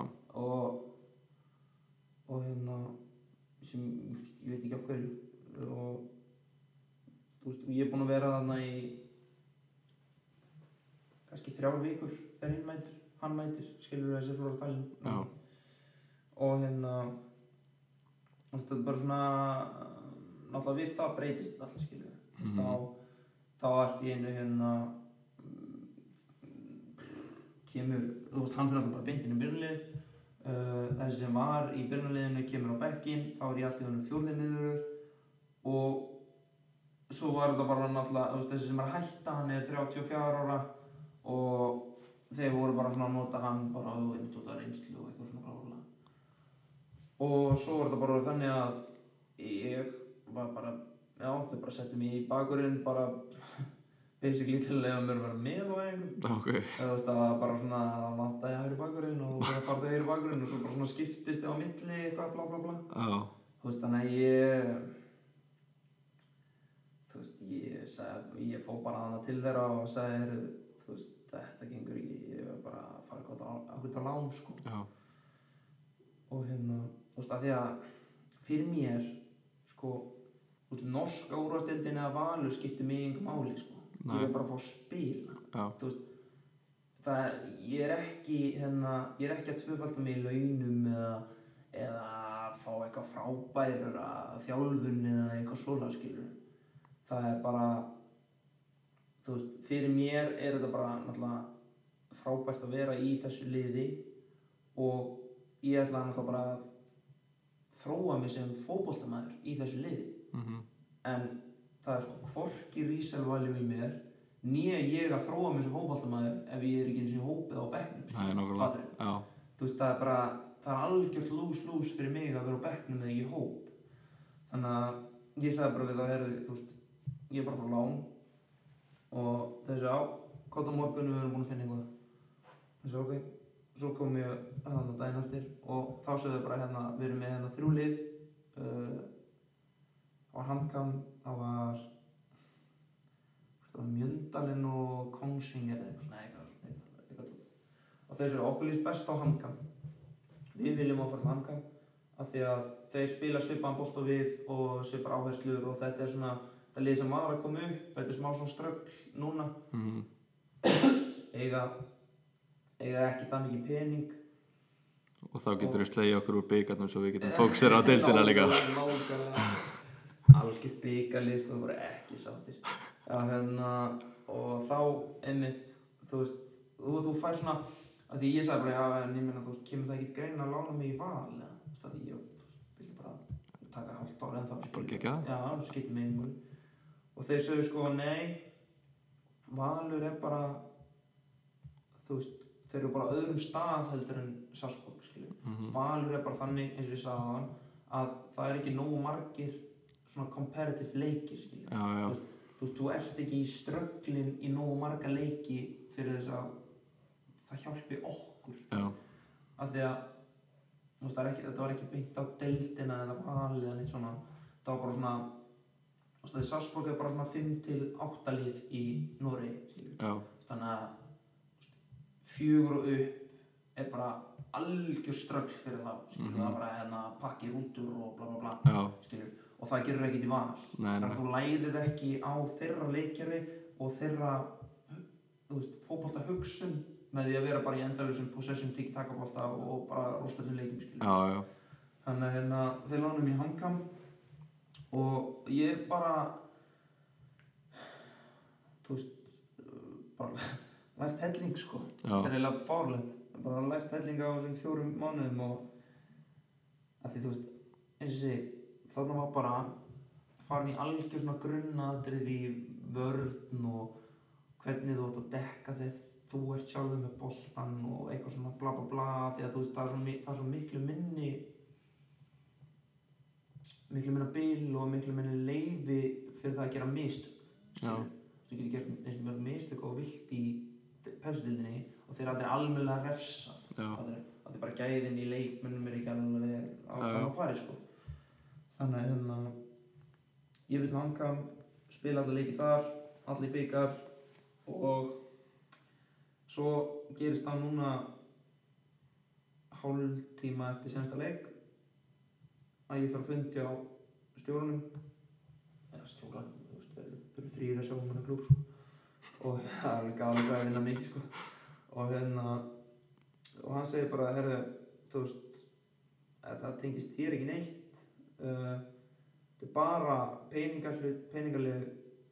peningarlega hlutur skilur að við getum ekki haft þig og þrjá aðra á láni, þú veist, þú eru fjóri, fimm á láni já, og við erum með hérna tvo aðra sem geta list þína stöð er ekki betur en þú en þú geta list þína stöð og við þurfum bara að losna þig út af samning til þess að geta náðu okkur í sendir. Já, og ég meina, þú veist það, það er alveg rétt, skilur bara gott og gilt. Já, ég meina, þú veist, hann var bara heiðileg með það og, og hérna, það er alveg rétt, já, með þau þurfum nýja sendir. Þannig að ég var ekkert uh, þú veist, það, þetta fyrir er ekkert engin erkja á milli okkar sko. Nei, Mér fannst einmitt sko allar fréttir sem ég las af Mm. hérna Óri Sigurður leik allan leikin í markalösi jafntöfli Já. Mér fannst þetta bara að vera sér 0-0 leikir Já. ekkert veginn. þetta var rosa mikið að játölum sko en hérna, þú veist, þetta var bara já, ég þú veist, þetta var bara flottu tími skilur og, og ég ætla rétt að vona þegar það verið að horfa ekkert á þessu leikum Já, það sé ekki bara að koma bara aftur á algjör 0 punkt aftur skilur já, já en það verður bara spennandi að sjá hvernig þið taka á móti mér þannig að þið er í Salzburg sko. En eins og, þú veist, hvernig finnst þér þetta öðruvísi núna að vera að fara út í annarskipti sem aðunum að með að við hitta? Þú ert búin að fara út og koma heim og fara aftur út veist, hvað var öðruvísi núna í setnarskipti? uh, Alltaf sé ekki bara þetta þú veist, ég veit út í hvað ég er að fara. Já, uh, ég veit hvernig það verður þú veist, ég veit að þetta er bara nýju til tvö dagar skilur, þú veist, ekki bara með það einhver heim það er á morgum á er æfing kannski tvær æfingar sumdum og uh, þú veist, búa eitt skilur og búa í öðru landi þú veist, þurfa að elda allt þetta bara svona bara svona hluti sem maður náttúrulega, þú veist, pældi ekki í þegar maður var 16 ára skilur. Nei, þú veist, maður bjóst ekkert við neinum hlutum eða eða hérna, gerði ráð fyrir einhverju skilur. Uh, þannig að ég ég ætla að sé bara það, þú veist, núna og eins og þetta, já, bara mótlætið skilur að það efli mann frekar. Þú veist, þannig að núna þegar maður er ekki í hóp þá fer maður frekar og gerir auka engar frekar heldur en að horfa líka eins og svona já, það er kannski það svona meira sem að sem ég tek með mér núna í þetta skipti sko myndi ég segja hvernig, hérna, hvernig ertu með markmiðasetningu og, og svoleiðis í, í fótbollanum sem leikmaður? Setur þið markmiði? Já, nei. Mér finnst þetta svo ótrúlega áhugavert að því að ég held að allir leikmenn væru bara með markmið, skilju, bara markmiðsetninga því þetta er ekki, er ekki talað um manna íþrótta heiminum en eitthvað markmið sé mikilvæg. Svo fyrir að hugsa hvernig ætla ég sé að setja sér markmið? Og ég, mér finnst það ekki meika lengur sens að setja sér markmið þannig að mér finnst því litið áhugavert að heyra hvernig þið eruð að gera það. Sko, ég nei, þú veist, ég myndi ekki ég er ekki þú veist, ég er ekki svona á í dag þá ætla ég að eiga 20 send, hefnaða sendingar eða svona skilju Nei, uh, ég er meira bara nei, það er meira bara þetta skilur, bara ég ætla að vinna mótið basically eina skilur já, veist, allt Já. eitthvað sem að, En mér finnst það líka bara það er svo rosalega erfitt að setja sér einhver persónlega markmið í veist, í svona liðsýþrótt að það er svo ótrúlega marga breytur sem að sem að geta allir því að þetta fara allt í vaskinn uh, þú ert ekkert að setja þið markmið ég ætla að vera komin í búndislíkuna 25 ára og svo úrvastöldina mér finnst það bara mér finnst það einhvern veginn bara svona hlutur sem að er bara meant to fail sko. Já, það er- stjórnaði Nei, nákvæmlega, þú veist, það getur svo, það getur svo ógislega mikið, ég geti fótboltna á morgun, þá, þá allt í einu, þú veist, eins og það, segjum það að ég myndi, einmitt, setja mig markmið hérna, já, ég ætla að, fá, ég ætla að vera komin í búndislíkuna eftir fjögur ár, skiljum. Svo kannski fótboltna eftir tvö, en kannski alltaf ganga til já. og fótboltna eftir tvö.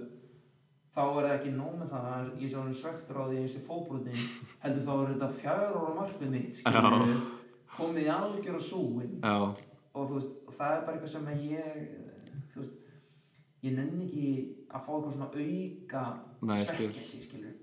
Og líka, þú veist, þú getur pælt í að þú veist, þetta felur líka dátt eftir bara hvort hugsar um sjálfa þig sem bara eða hvort hugsar um fótboltan sem bara einstaklings íþrótt eða bara liðsýþrótt Mhm. og þú getur verið, þú getur verið frábær sem sem þess að þetta eitthvað í búndislíkuna hérna eftir fjögur ár.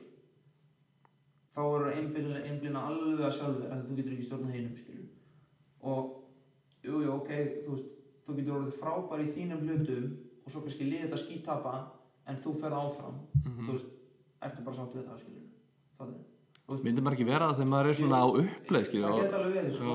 En ég, ég er bara svo ógislega tapsar Já, að þótt ég sem er 100% sendingar hlutfall í leikjum og við töpum 3-0 og við skýt saman. Þú veist, ég myndi skora fjögur og tapa 5-4 á með skýt saman. Þú veist, mér, mér skilur fyrir mér er fótbolti þú veist að vinna. Já, þú veist, bara tilfinningin að vinna alveg sama hvað það er skilur þú veist ef ég vinn hérna þú veist einmitt þetta skilur ef ég vinn skallabólta ef ég vinn einni ef ég vinn þú veist ef ég skora eða eitthvað svona þú veist þær litlu tilfinningar þær eru svo miklu miklu stærri fyrir mér heldur en einhverjum svona viðurkenningar. Skilur einhverjum svona viðurkenningar í bara lífinu og í fótboltan sjálfum skilur uh, og ég held að það er mitt þú veist 2017 þú veist, vinnum hennar titil, jú, flott en maður svona pældi ekkert í því eiginlega, af því að þú veist maður ekki fyrir eftir tímabilið sem maður pælar eitthvað í því að því maður bara svona, var bara leikið sem það voru að vinna á og þú veist, maður bara alltaf að vinna öll sín einmi, alla leikina og svo bara, þú veist gerðist það, skilja og ég held líka að það sé bara örgulega uppskriftin að þessu, maður, maður getur ekki og Óli til þess að hann var líka mikið á því þú getur ekki að horfa á töfluna og þú getur ekki pælt inn en öðru heldur en bara þér og svo bara einhvern veginn svona kemur Mhm.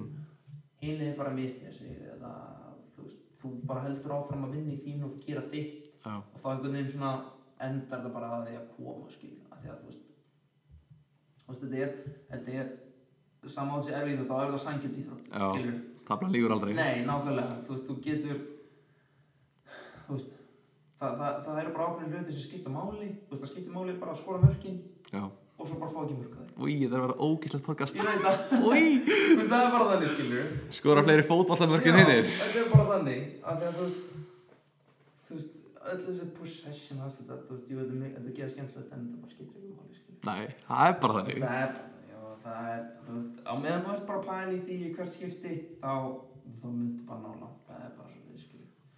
Þannig að ég, eins og ég segi, þú veist, það er svona markmið, jú, ég ætla bara, að meira kannski bara stutt markmið. Já. Bara svona vinna þennan leik, vinna þennan leik, vinna þennan leik og bara svona in the moment, kannski, ég ætla að vinna þetta, þetta er mér. En eins og þegar þú fórst út, skilur 16 ára til AGF að, þú veist það er enginn að fara að segja mér að 16 ára strákur sem fer út í atvinnum sko, sé ekki með smá hugmynd um hvert hann þú veist, að hann sé ekki einu sinni hvert ekki einu sinni aðunum að hann sé 28 ára að fara að spila með Liverpool eða eitthvað svona, þú veist, að þú ferðu út og þú ætlar þér að, að klifra áfram skilur, þú ætlar að nota þetta sem stökkball fyrir eitthvað annað og svo stökkball og stökkball og stökkball, þú ætlar að komast bara eins langt og þú kemst og þú væntalega visualisar það ö, flestir held ég.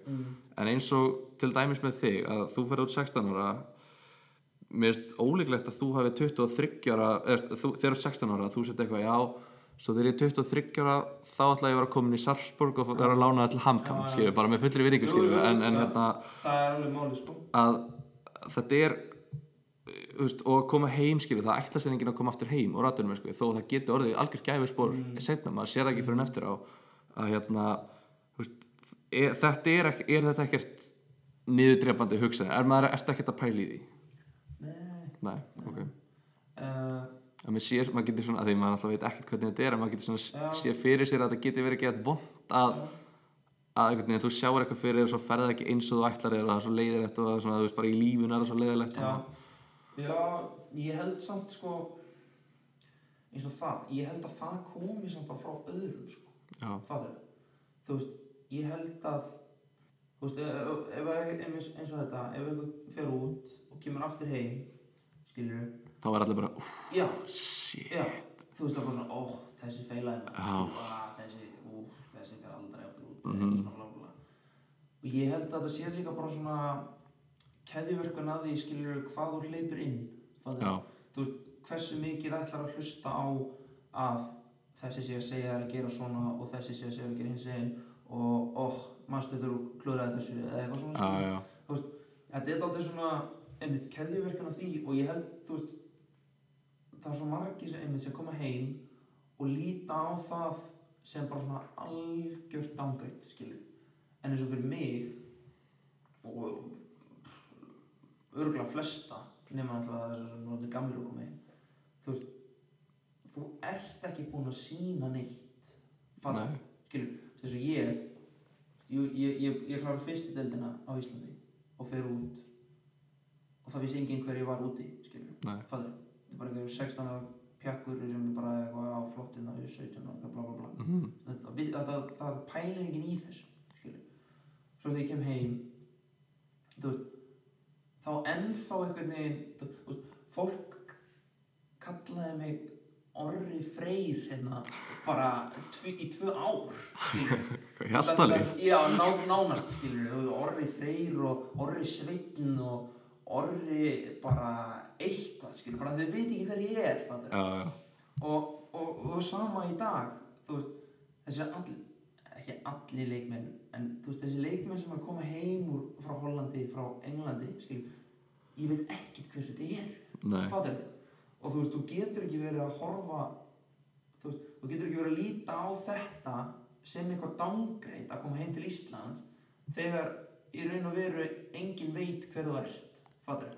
Þú veist, Heldur að margir láti þetta svona stíga sér til höfus Mm. að, að hafa verið aðdunum já. já, alveg hundra sko. Og, og hérna og ég, þú veist, það gerði það potið líka við mig, skilur þú veist, að halda að maður sé miklu meir en maður er já. í fótbolta heiminum, skilur sem er náttúrulega bara, að því maður er líka bara svo brjálaslega Já, óþroska, já, þú ert bara já, 16 ára sko, þú ert bara maðurinn þú veist, þú ert bara að veit allir hver ég er. Já. Fattar, sem ganga við landslinu og farin út, skilur en í raun og veru þá veit enginn hver og kannski, kannski núna þegar umfyllun er miklu, miklu meiri, fattar mhm, núna veit maður hérna, hver er á miðjunni hjá fylki maður veit hver er miðjunni hjá leikni Reykjavík eða eitthvað svona.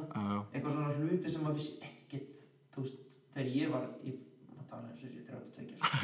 þú veist, þegar ég var bara 2011 skilur já, það var engin umfjöllun þannig séð um nei, skilur það var ekkert eitthvað já, hann hérna Orri spilaði 20 leiki í, í, í veist, botliði nei. þetta er ekkert og, og nánast enginn af þessu stráku sem fara út núna eru með einhvern mistarflokksferil nei, og það fylgist og fylgist enginn með fyrstdeildin það fylgist enginn með öðrum skilur það er ótrúlegt. Já, það veit enginn hvað er í gangi í öðrum flokki Nei, þannig að veist, allir þessi kallar sem eru að fara út þeir eru ekki neini kallar og það veit enginn hver þeir eru fyrr en fótbolltíkunnið kemur fréttina mm fyrr en það komið að þú sért farin út. Og var eina staðfest rétt og svo bara Já. fjórum árum setna bara, þá, þú veist, það, það, það, það fylgist enginn með þessu þannig að ég held einmitt þess að segja veist, maður svona maður byggir upp uh, ok, þú veist jú, ég gerði það á tímabili en ekki kannski þú veist, jafn mikið og margir.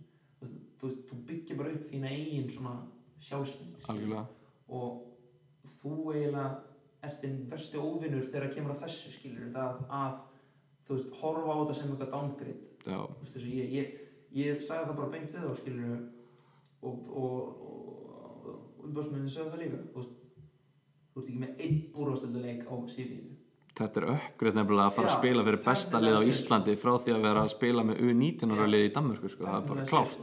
tæknilega séu það sko mér þess að við lendum í 5.5. seti 2016-15 Mhm. tæknilega séu það Já. að að vera í varaliðinu hjá AGF eða að fara í 5. seti í persutindinni Algjörlega. tæknilega séu uppgreitt pluss það að spila alla leiki Já, þannig ég held þess að þetta skilur það er alltaf margir sem bara líta á þetta sem eitthvað algjör skít að koma heim fattar og líka margir sem ná ekkert að recovera sko. Það er bara fullt af ferlum sem að, veist, meina, það eru margir sem koma heim sumir er að, ég held að sé sára lítil prósenda sem fer aftur út síðan, flestir einhvern veginn bara degi út, sko, eða svona Já, brenna ég sem einhverjir íslenskir.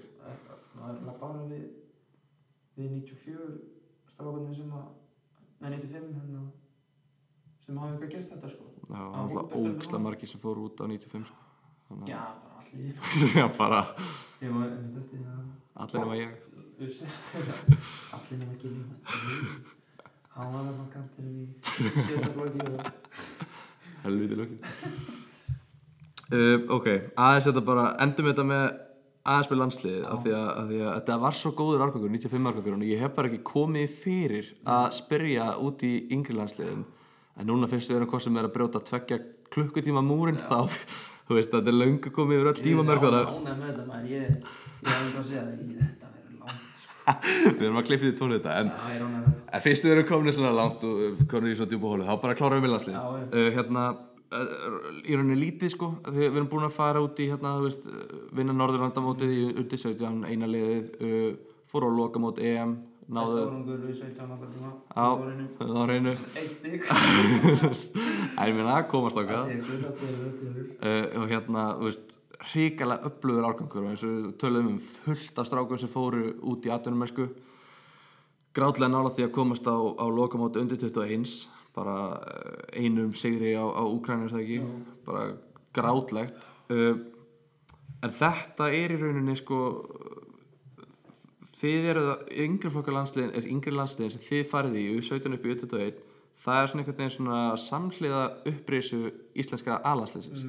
Af því að ég með hérna 2012 held ég.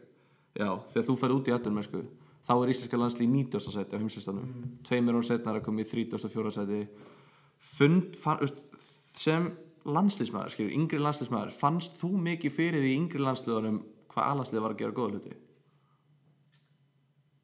Nei Új, þið líka vambri Nei Það var alveg bara Var það við erum Hvenær er þetta þegar þeir fara í auðvitað einsvarslandsliðinu á lokamóti? 2011 held ég, Eða 2011? held að. Það er undir 17 ára árið ykkar. Já, þú veist, það er eiginlega eina svona voru þeir eitthvað fyrirmyndir? Já, þeir voru það sko. Uh, Sko, það mót er eiginlega svona eina sem að ég uh, þú veist, tengi svona við svona byrjun, skilur. Íslands landsliðs á nákvæm árum, þið höfðu bara alltaf kannski, þið þetta er bara strax í 17 sem þið eru að fara að loka og vinna í Norrland, þið þurftu kannski ekkert á þessu að halda til að fá okkar meira sjálfstöð þið voruð alltaf bara með þetta Já. við erum bet- betri en hinnir Við, vo við vorum þetta bara í okkar búblu, sko. Uh, það, sko, þegar að þegar Gilvi sleggjar honum hann um Skotlandi Já, það er svona það fyrsta, þá svona fekk ég fyrir svona, uff, heyrðu ok, það er eitthvað að gerast hérna. Og, og hérna, já, Þýskalandsleikurinn. Uh, þú veist, fyrir utan það er það eiginlega bara núna, skiljur EM og Já. Þú veist, mér var ekkert þú veist, ég veit ekki að það alveg, ég var einn af þessum sem að sá ekki hvað Óli Jó var að gera skiljur, þegar Já. hann tók við.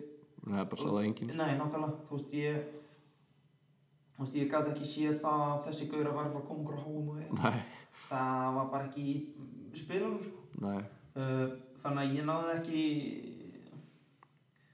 ég náði ekki að tengja neitt svona við alanslið sko. það var auðvitað eins en þú veist, jú, nei ég meina, ég fór tvo landsleiki sem ég man eftir þegar ég var lítill á, á spátt sem við töpum og svo einhvern annar svo ekki töpum líka veist, það var bara það var bara kallt og leðilegt og hann hann að Kristján eitthvað í, í, í miðurinn Mér fannst nefnilega sko með hérna þegar ég komið upp í undir 17, undir 18, nei, undir 19 og það, þú veist, alltaf virkilega öflugur árgangur og mér einhvern veginn, mér fannst þið alltaf svo fáralega fókuseraðar og professional bara alveg frá byrjun.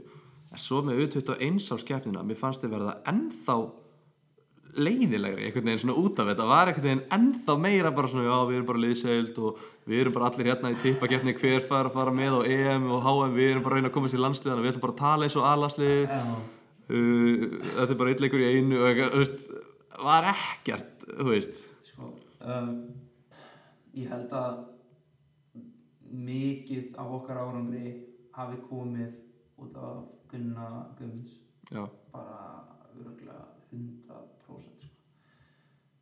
uh, hann hann var alltaf með ykkur í 17 og hann tekur bara þú hann, te- hann var ekkert eitthvað á okkur 16 ára krakkar skilju þá var bara hérna vídeofundi tvisar á dag hann var bara taktík á öllum æfingum já, og það var bara, þú veist, þetta var bara að það átti bara niður njörfa allt sem við vorum að gera. Og svo bara var bara að happa klappa hvernig við skoruðum, skiljum Já. það var bara fyrst leikandri, þetta var bara basically eins og það linna og hérna þú veist svo vorum við bara svo ógeðslega góður í vörð að við vissum, all, all, við vissum alla veist, við vissum alla fæslur, við vissum nákvæmlega hvað hver vildi það var alltaf sama liðið sem spilaði. Og, og það var alltaf neitt vesen fattar við það var aldrei neitt veist, við vorum bara uh, að koma upp og, og allir geðt glaðir og, og okkur gekk gett vel og, og og svo bara þegar við skórum þá bara töðum við restina leiknum það var bara þannig, þetta var bara það var bara, við vorum heimsmeistarið að tefja skilur, við bara skorum eitt mark og ég meina, við, við áttum hérna undakefni milliriðils eða eitthvað svona. Það var í Ísrael. Já, Ísrael. Töfum fyrsta leiknum 5-1 á mútið Sviss.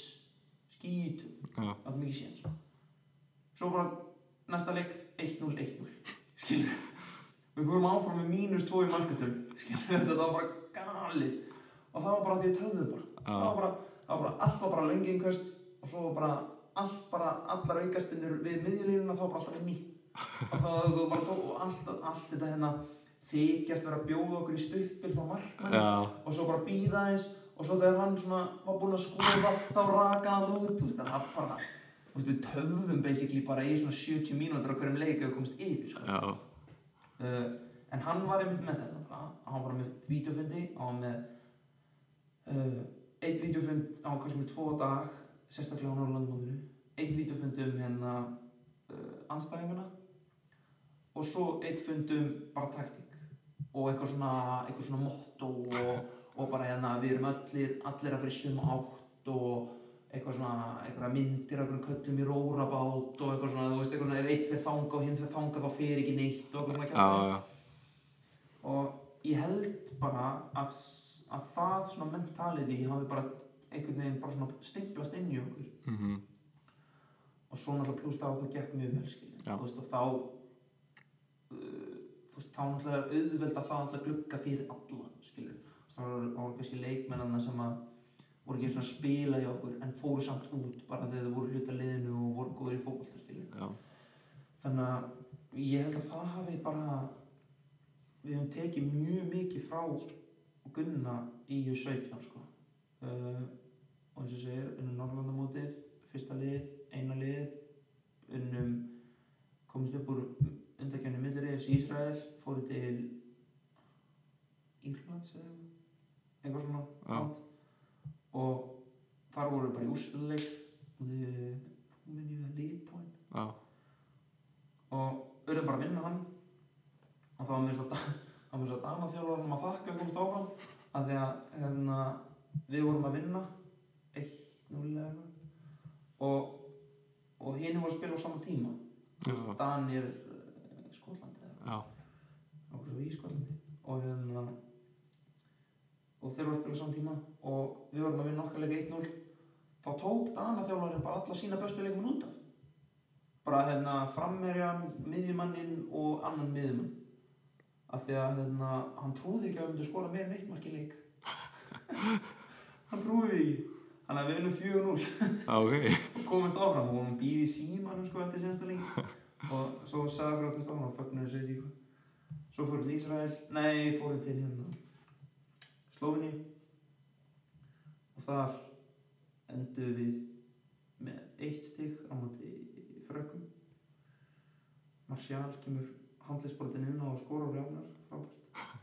Og hérna svo töfum á móti þjóðverum og, var já, þá voru komin aðeins yfir okkar höfuð. Já, það var vondur íslensku. Já, við áttum ekki séns á móti þjóðurum það var svak ég meina Súli var bara jafn stóran í dag sko. Það var árið 2 metrar 17 ára. Og bara Goretzka á miðinni og Julian Brandt á kantinum og þú veist maður svona þegar maður horfði tilbaka svaka lið sem spilum. Það var bara gafið sko. En sýnir bara hvert liðselding getur tekið mér Já, ég held það nefnilega sko. Þú veist, við vorum bara, við vorum um okkar hreinu, svo bara trúðum við á fyrstleikadrið og eitthvað eininsendinga og eitthvað svona. Mhm. Við fáum alltaf færi Já, nákvæmlega. Já, ég held að það er sagt að fyrir næsta leik. Já, já. Við fáum alltaf okkar færi. Hérna, Tóki Stefán Tónsson og Tómi. uh, uh, hefur sem sagt, hefur landsliði núna er, það að breyta eitthvað svona þínu hugafari í, með þinn feril skilur? Er ferilið þinn farið svolítið að markast út frá því að þú vilt komast í landsliðið og vera hluti af þessu ævintýri sem er í gangi þar? Eða ertu með veist, er, er þetta bæði, nærða fókus á bæði er þetta bara ok, félagslið, félagsliðið er 95% af ferlinni mínum þannig að ég vil gera gott mót þar og ef ég verð nógu góður þar þá fer ég veist, hefur þetta breytt einhverju hugafærinu Það er náttúrulega, þú veist, þú ert náttúrulega ekki valin í landsliðin nema á sér góður í landsliðin þannig að þú er náttúrulega, fyrst einblinn á það að fá spila í mínu liði. Uh, en hins vegar við ekki það alveg að eftir þess að það er Indonési en Kína.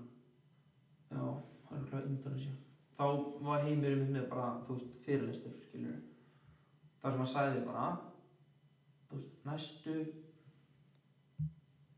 6-10 ár í Mhm. landsliðinu eru bara sturglu, Mhm. er bara þetta verður aldrei jafn spennandi á næstu 6-10 ár sem er akkurat árið sem þú ert að fara að píka Já, það er nefnilega máli sko og, og hérna og ég veit ekki um það alveg þú veist það, ég hef alveg getað verið hérna lengur skil hjá val, mm. -hmm. er bara í hvað sé ég honum og, og, bara skemmta mig sko en eftir þessi Indonési ferð þá hugsaði ég, þú veist já, ok, þú veist, þetta er eitthvað sem ég hef mikið áhuga á því að vera með í skilur. Mhm. þú veist, Búin að fá líka að prófa það Já. Fara í Já. verkefni með Nákvæmlega. Þú veist, búin, ég sé- sjá þetta, búin að sjá hvað, þú veist, út af hvað það snýst, hvað, um, hvað hann vill, hvernig við spilum, allt þetta og sjá, skilur, Ísland frá HM og EM, þú veist, þetta er bara eitthvað svona vákvæð verið til yfir það, skilur, þú veist, bara, þú veist, og, og bara finna líka, þú veist, bara finna líka bara jákvæðina í öllum Íslandingum þegar þetta er í gangi. Mhm. fattur þú veist bara Ísland er bara best land í heimi það er bara þvíli gleði og allt bara frábært. Þú veist fólk að safnast um það grenjandi rigningu með reglívar bara hótt til að horfa líkil Já. Þú veist þetta er svona mann er langað svo mikið að vera í liðinu sem að þjófin þú veist stiður svona Já. fattur Það er engin að horfa sarpsorgleiki hérna á, á Arnarhóli einhverju tjaldi. Þú veist, og, og já, einmitt, þú veist, það er ekki að- það er alveg sama einmitt, þú veist, hvar þú er að, þú veist, bara þegar lands og bara og frá, frá löðsvöld, skil Mhm. bara landsliðið núna og næstu ár verður bara eitthvað allt annað og komin í komin í völlur, sama hvernig hann kemur, skilur uh, en hann kemur og hérna þú veist, að bara taka þátt í þessu væri bara eitthvað algjört rugl sko. En, og ég átti mig alveg því, þú veist, ég meina við erum með Hjört sem að kemst ekki inn svona HM og hann er í Bröndi, skilja, sem er tvö í Danmark þú veist, við erum með Jónda sem er bara í topplegin í Svíþjóð. Þú veist, við erum með uh, Sverri náttúrulega sem kemur inn í þetta núna. Uh, þú veist, við erum fullt, fullt af leikmunum sem að ég áttum alveg á því að eru í miklu betri stöðu en ég. En ef ég fæ að spila hjá Sarsborg þá veit ég það að ég er alltaf í umræðinni Já, þetta er líka fljótt að gera já, nákvæmlega. Kári að hætta og. Raggi Sigur með að hætta líka. það er nefnilega þú veist Það er að dyra að það er opnast smá auka púður sko. Já, en þú veist þetta, það eru fullt það eru fullt af möguleikum en á sama tíma veit ég alveg að þú veist ég er ekki ég veit alveg heim er ekki bara eitthvað að íða eftir að geta fínt sko. Þannig að ég veit alveg hérna þú veist það er ákveð, ákveð bíl á milli sem ég þarf að brúa sko. En hérna en ég veit eins og á sama tíma sérstaklega eftir að tekið 2017 tímili hér og núna farin út að ég verð alltaf í umræðinni ef ég er að spila sko. Mhm. þannig að það er það fyrsta sem ég þarf að koma mér í gang núna sko. þetta er nefnilega samgjönd nýþrótt já, það er nefnilega málið Loka spurning uh, Hvers er þið fyrir þér að geta komist með félagsliðinu? Hversu langt heldur það að geta náð? já, bara á ferðinu Já, svona núna búin að, orðin 23 ára búin að endust, eða ert kannski farin að finnast óleiklegra en þegar þú varst 10 ára að þú veist þetta fara að spila úrstöldaleg mistaradeildarinnar Já. en bara hvernig hugsa maður, þú veist hvað ertu, svona, hver væri raunhæfur draumur núna? Það er spurning manns ég líka náttúrulega að spyrja mann sem pælir rosa mikið í þessu sko. Það var annarkvæmt að spyrja þetta það var annarkvæmt þessi spurning eða spyrja hver var þín gildi sem fótboltamaður og ég er búin að að brenna mig á að spyrja út í gildi sem fótboltamaður. Það var ekkit ekki vel í það. Sko ég held í fullkomnum heimi þá gæti ég endað í Þískalandi held ég. Championship eða Þískaland myndi ég segja. Það er svona svona meðan við meðan við þá ferð sem að menna að fara frá Nóri Já, og ég er oft svona Nóriður, Belgia, Nóriður, Holland og svo þaðan Þískaland eða mjög ólíklega spátn, ég er ekki alveg ég er ekki alveg nóg hraðið fyrir þess að tiki-taka menn þannig að ég myndi segja Þískaland eða Championship er svona myndi ég halda að væri svona raunhæft. Þú veist það er rosa auðvelt að segja bara en það er bara Chelsea eða Já, já. eða- eða- þú veist, enda bara í Barcelona Real sko. en þú veist ég veit það alveg að þú veist það er ekki það er aldrei verið gert á þau nema eða spári skilur þannig að það er mjög ólíklegt að það sé að fara að gerast en bara aftur skilur það er bara þetta er svo fjarlægt að þú veist ég lifi mér bara ekki svona hugsa að pæla í nei. skilur. Þannig að ég en ég svona þegar ég pæla í núna þá myndi ég ég held að Championship Þískaland væri svona lokastaður mitt svona max. Já, skil. Þannig að Herru, Orri, við erum búin að vera alltaf lengi hérna. Þetta er hérna En samt, búið að vera gott spjall. Þannig að ég bara þakka þér kærlega fyrir komuna og, og gefa tíma í þetta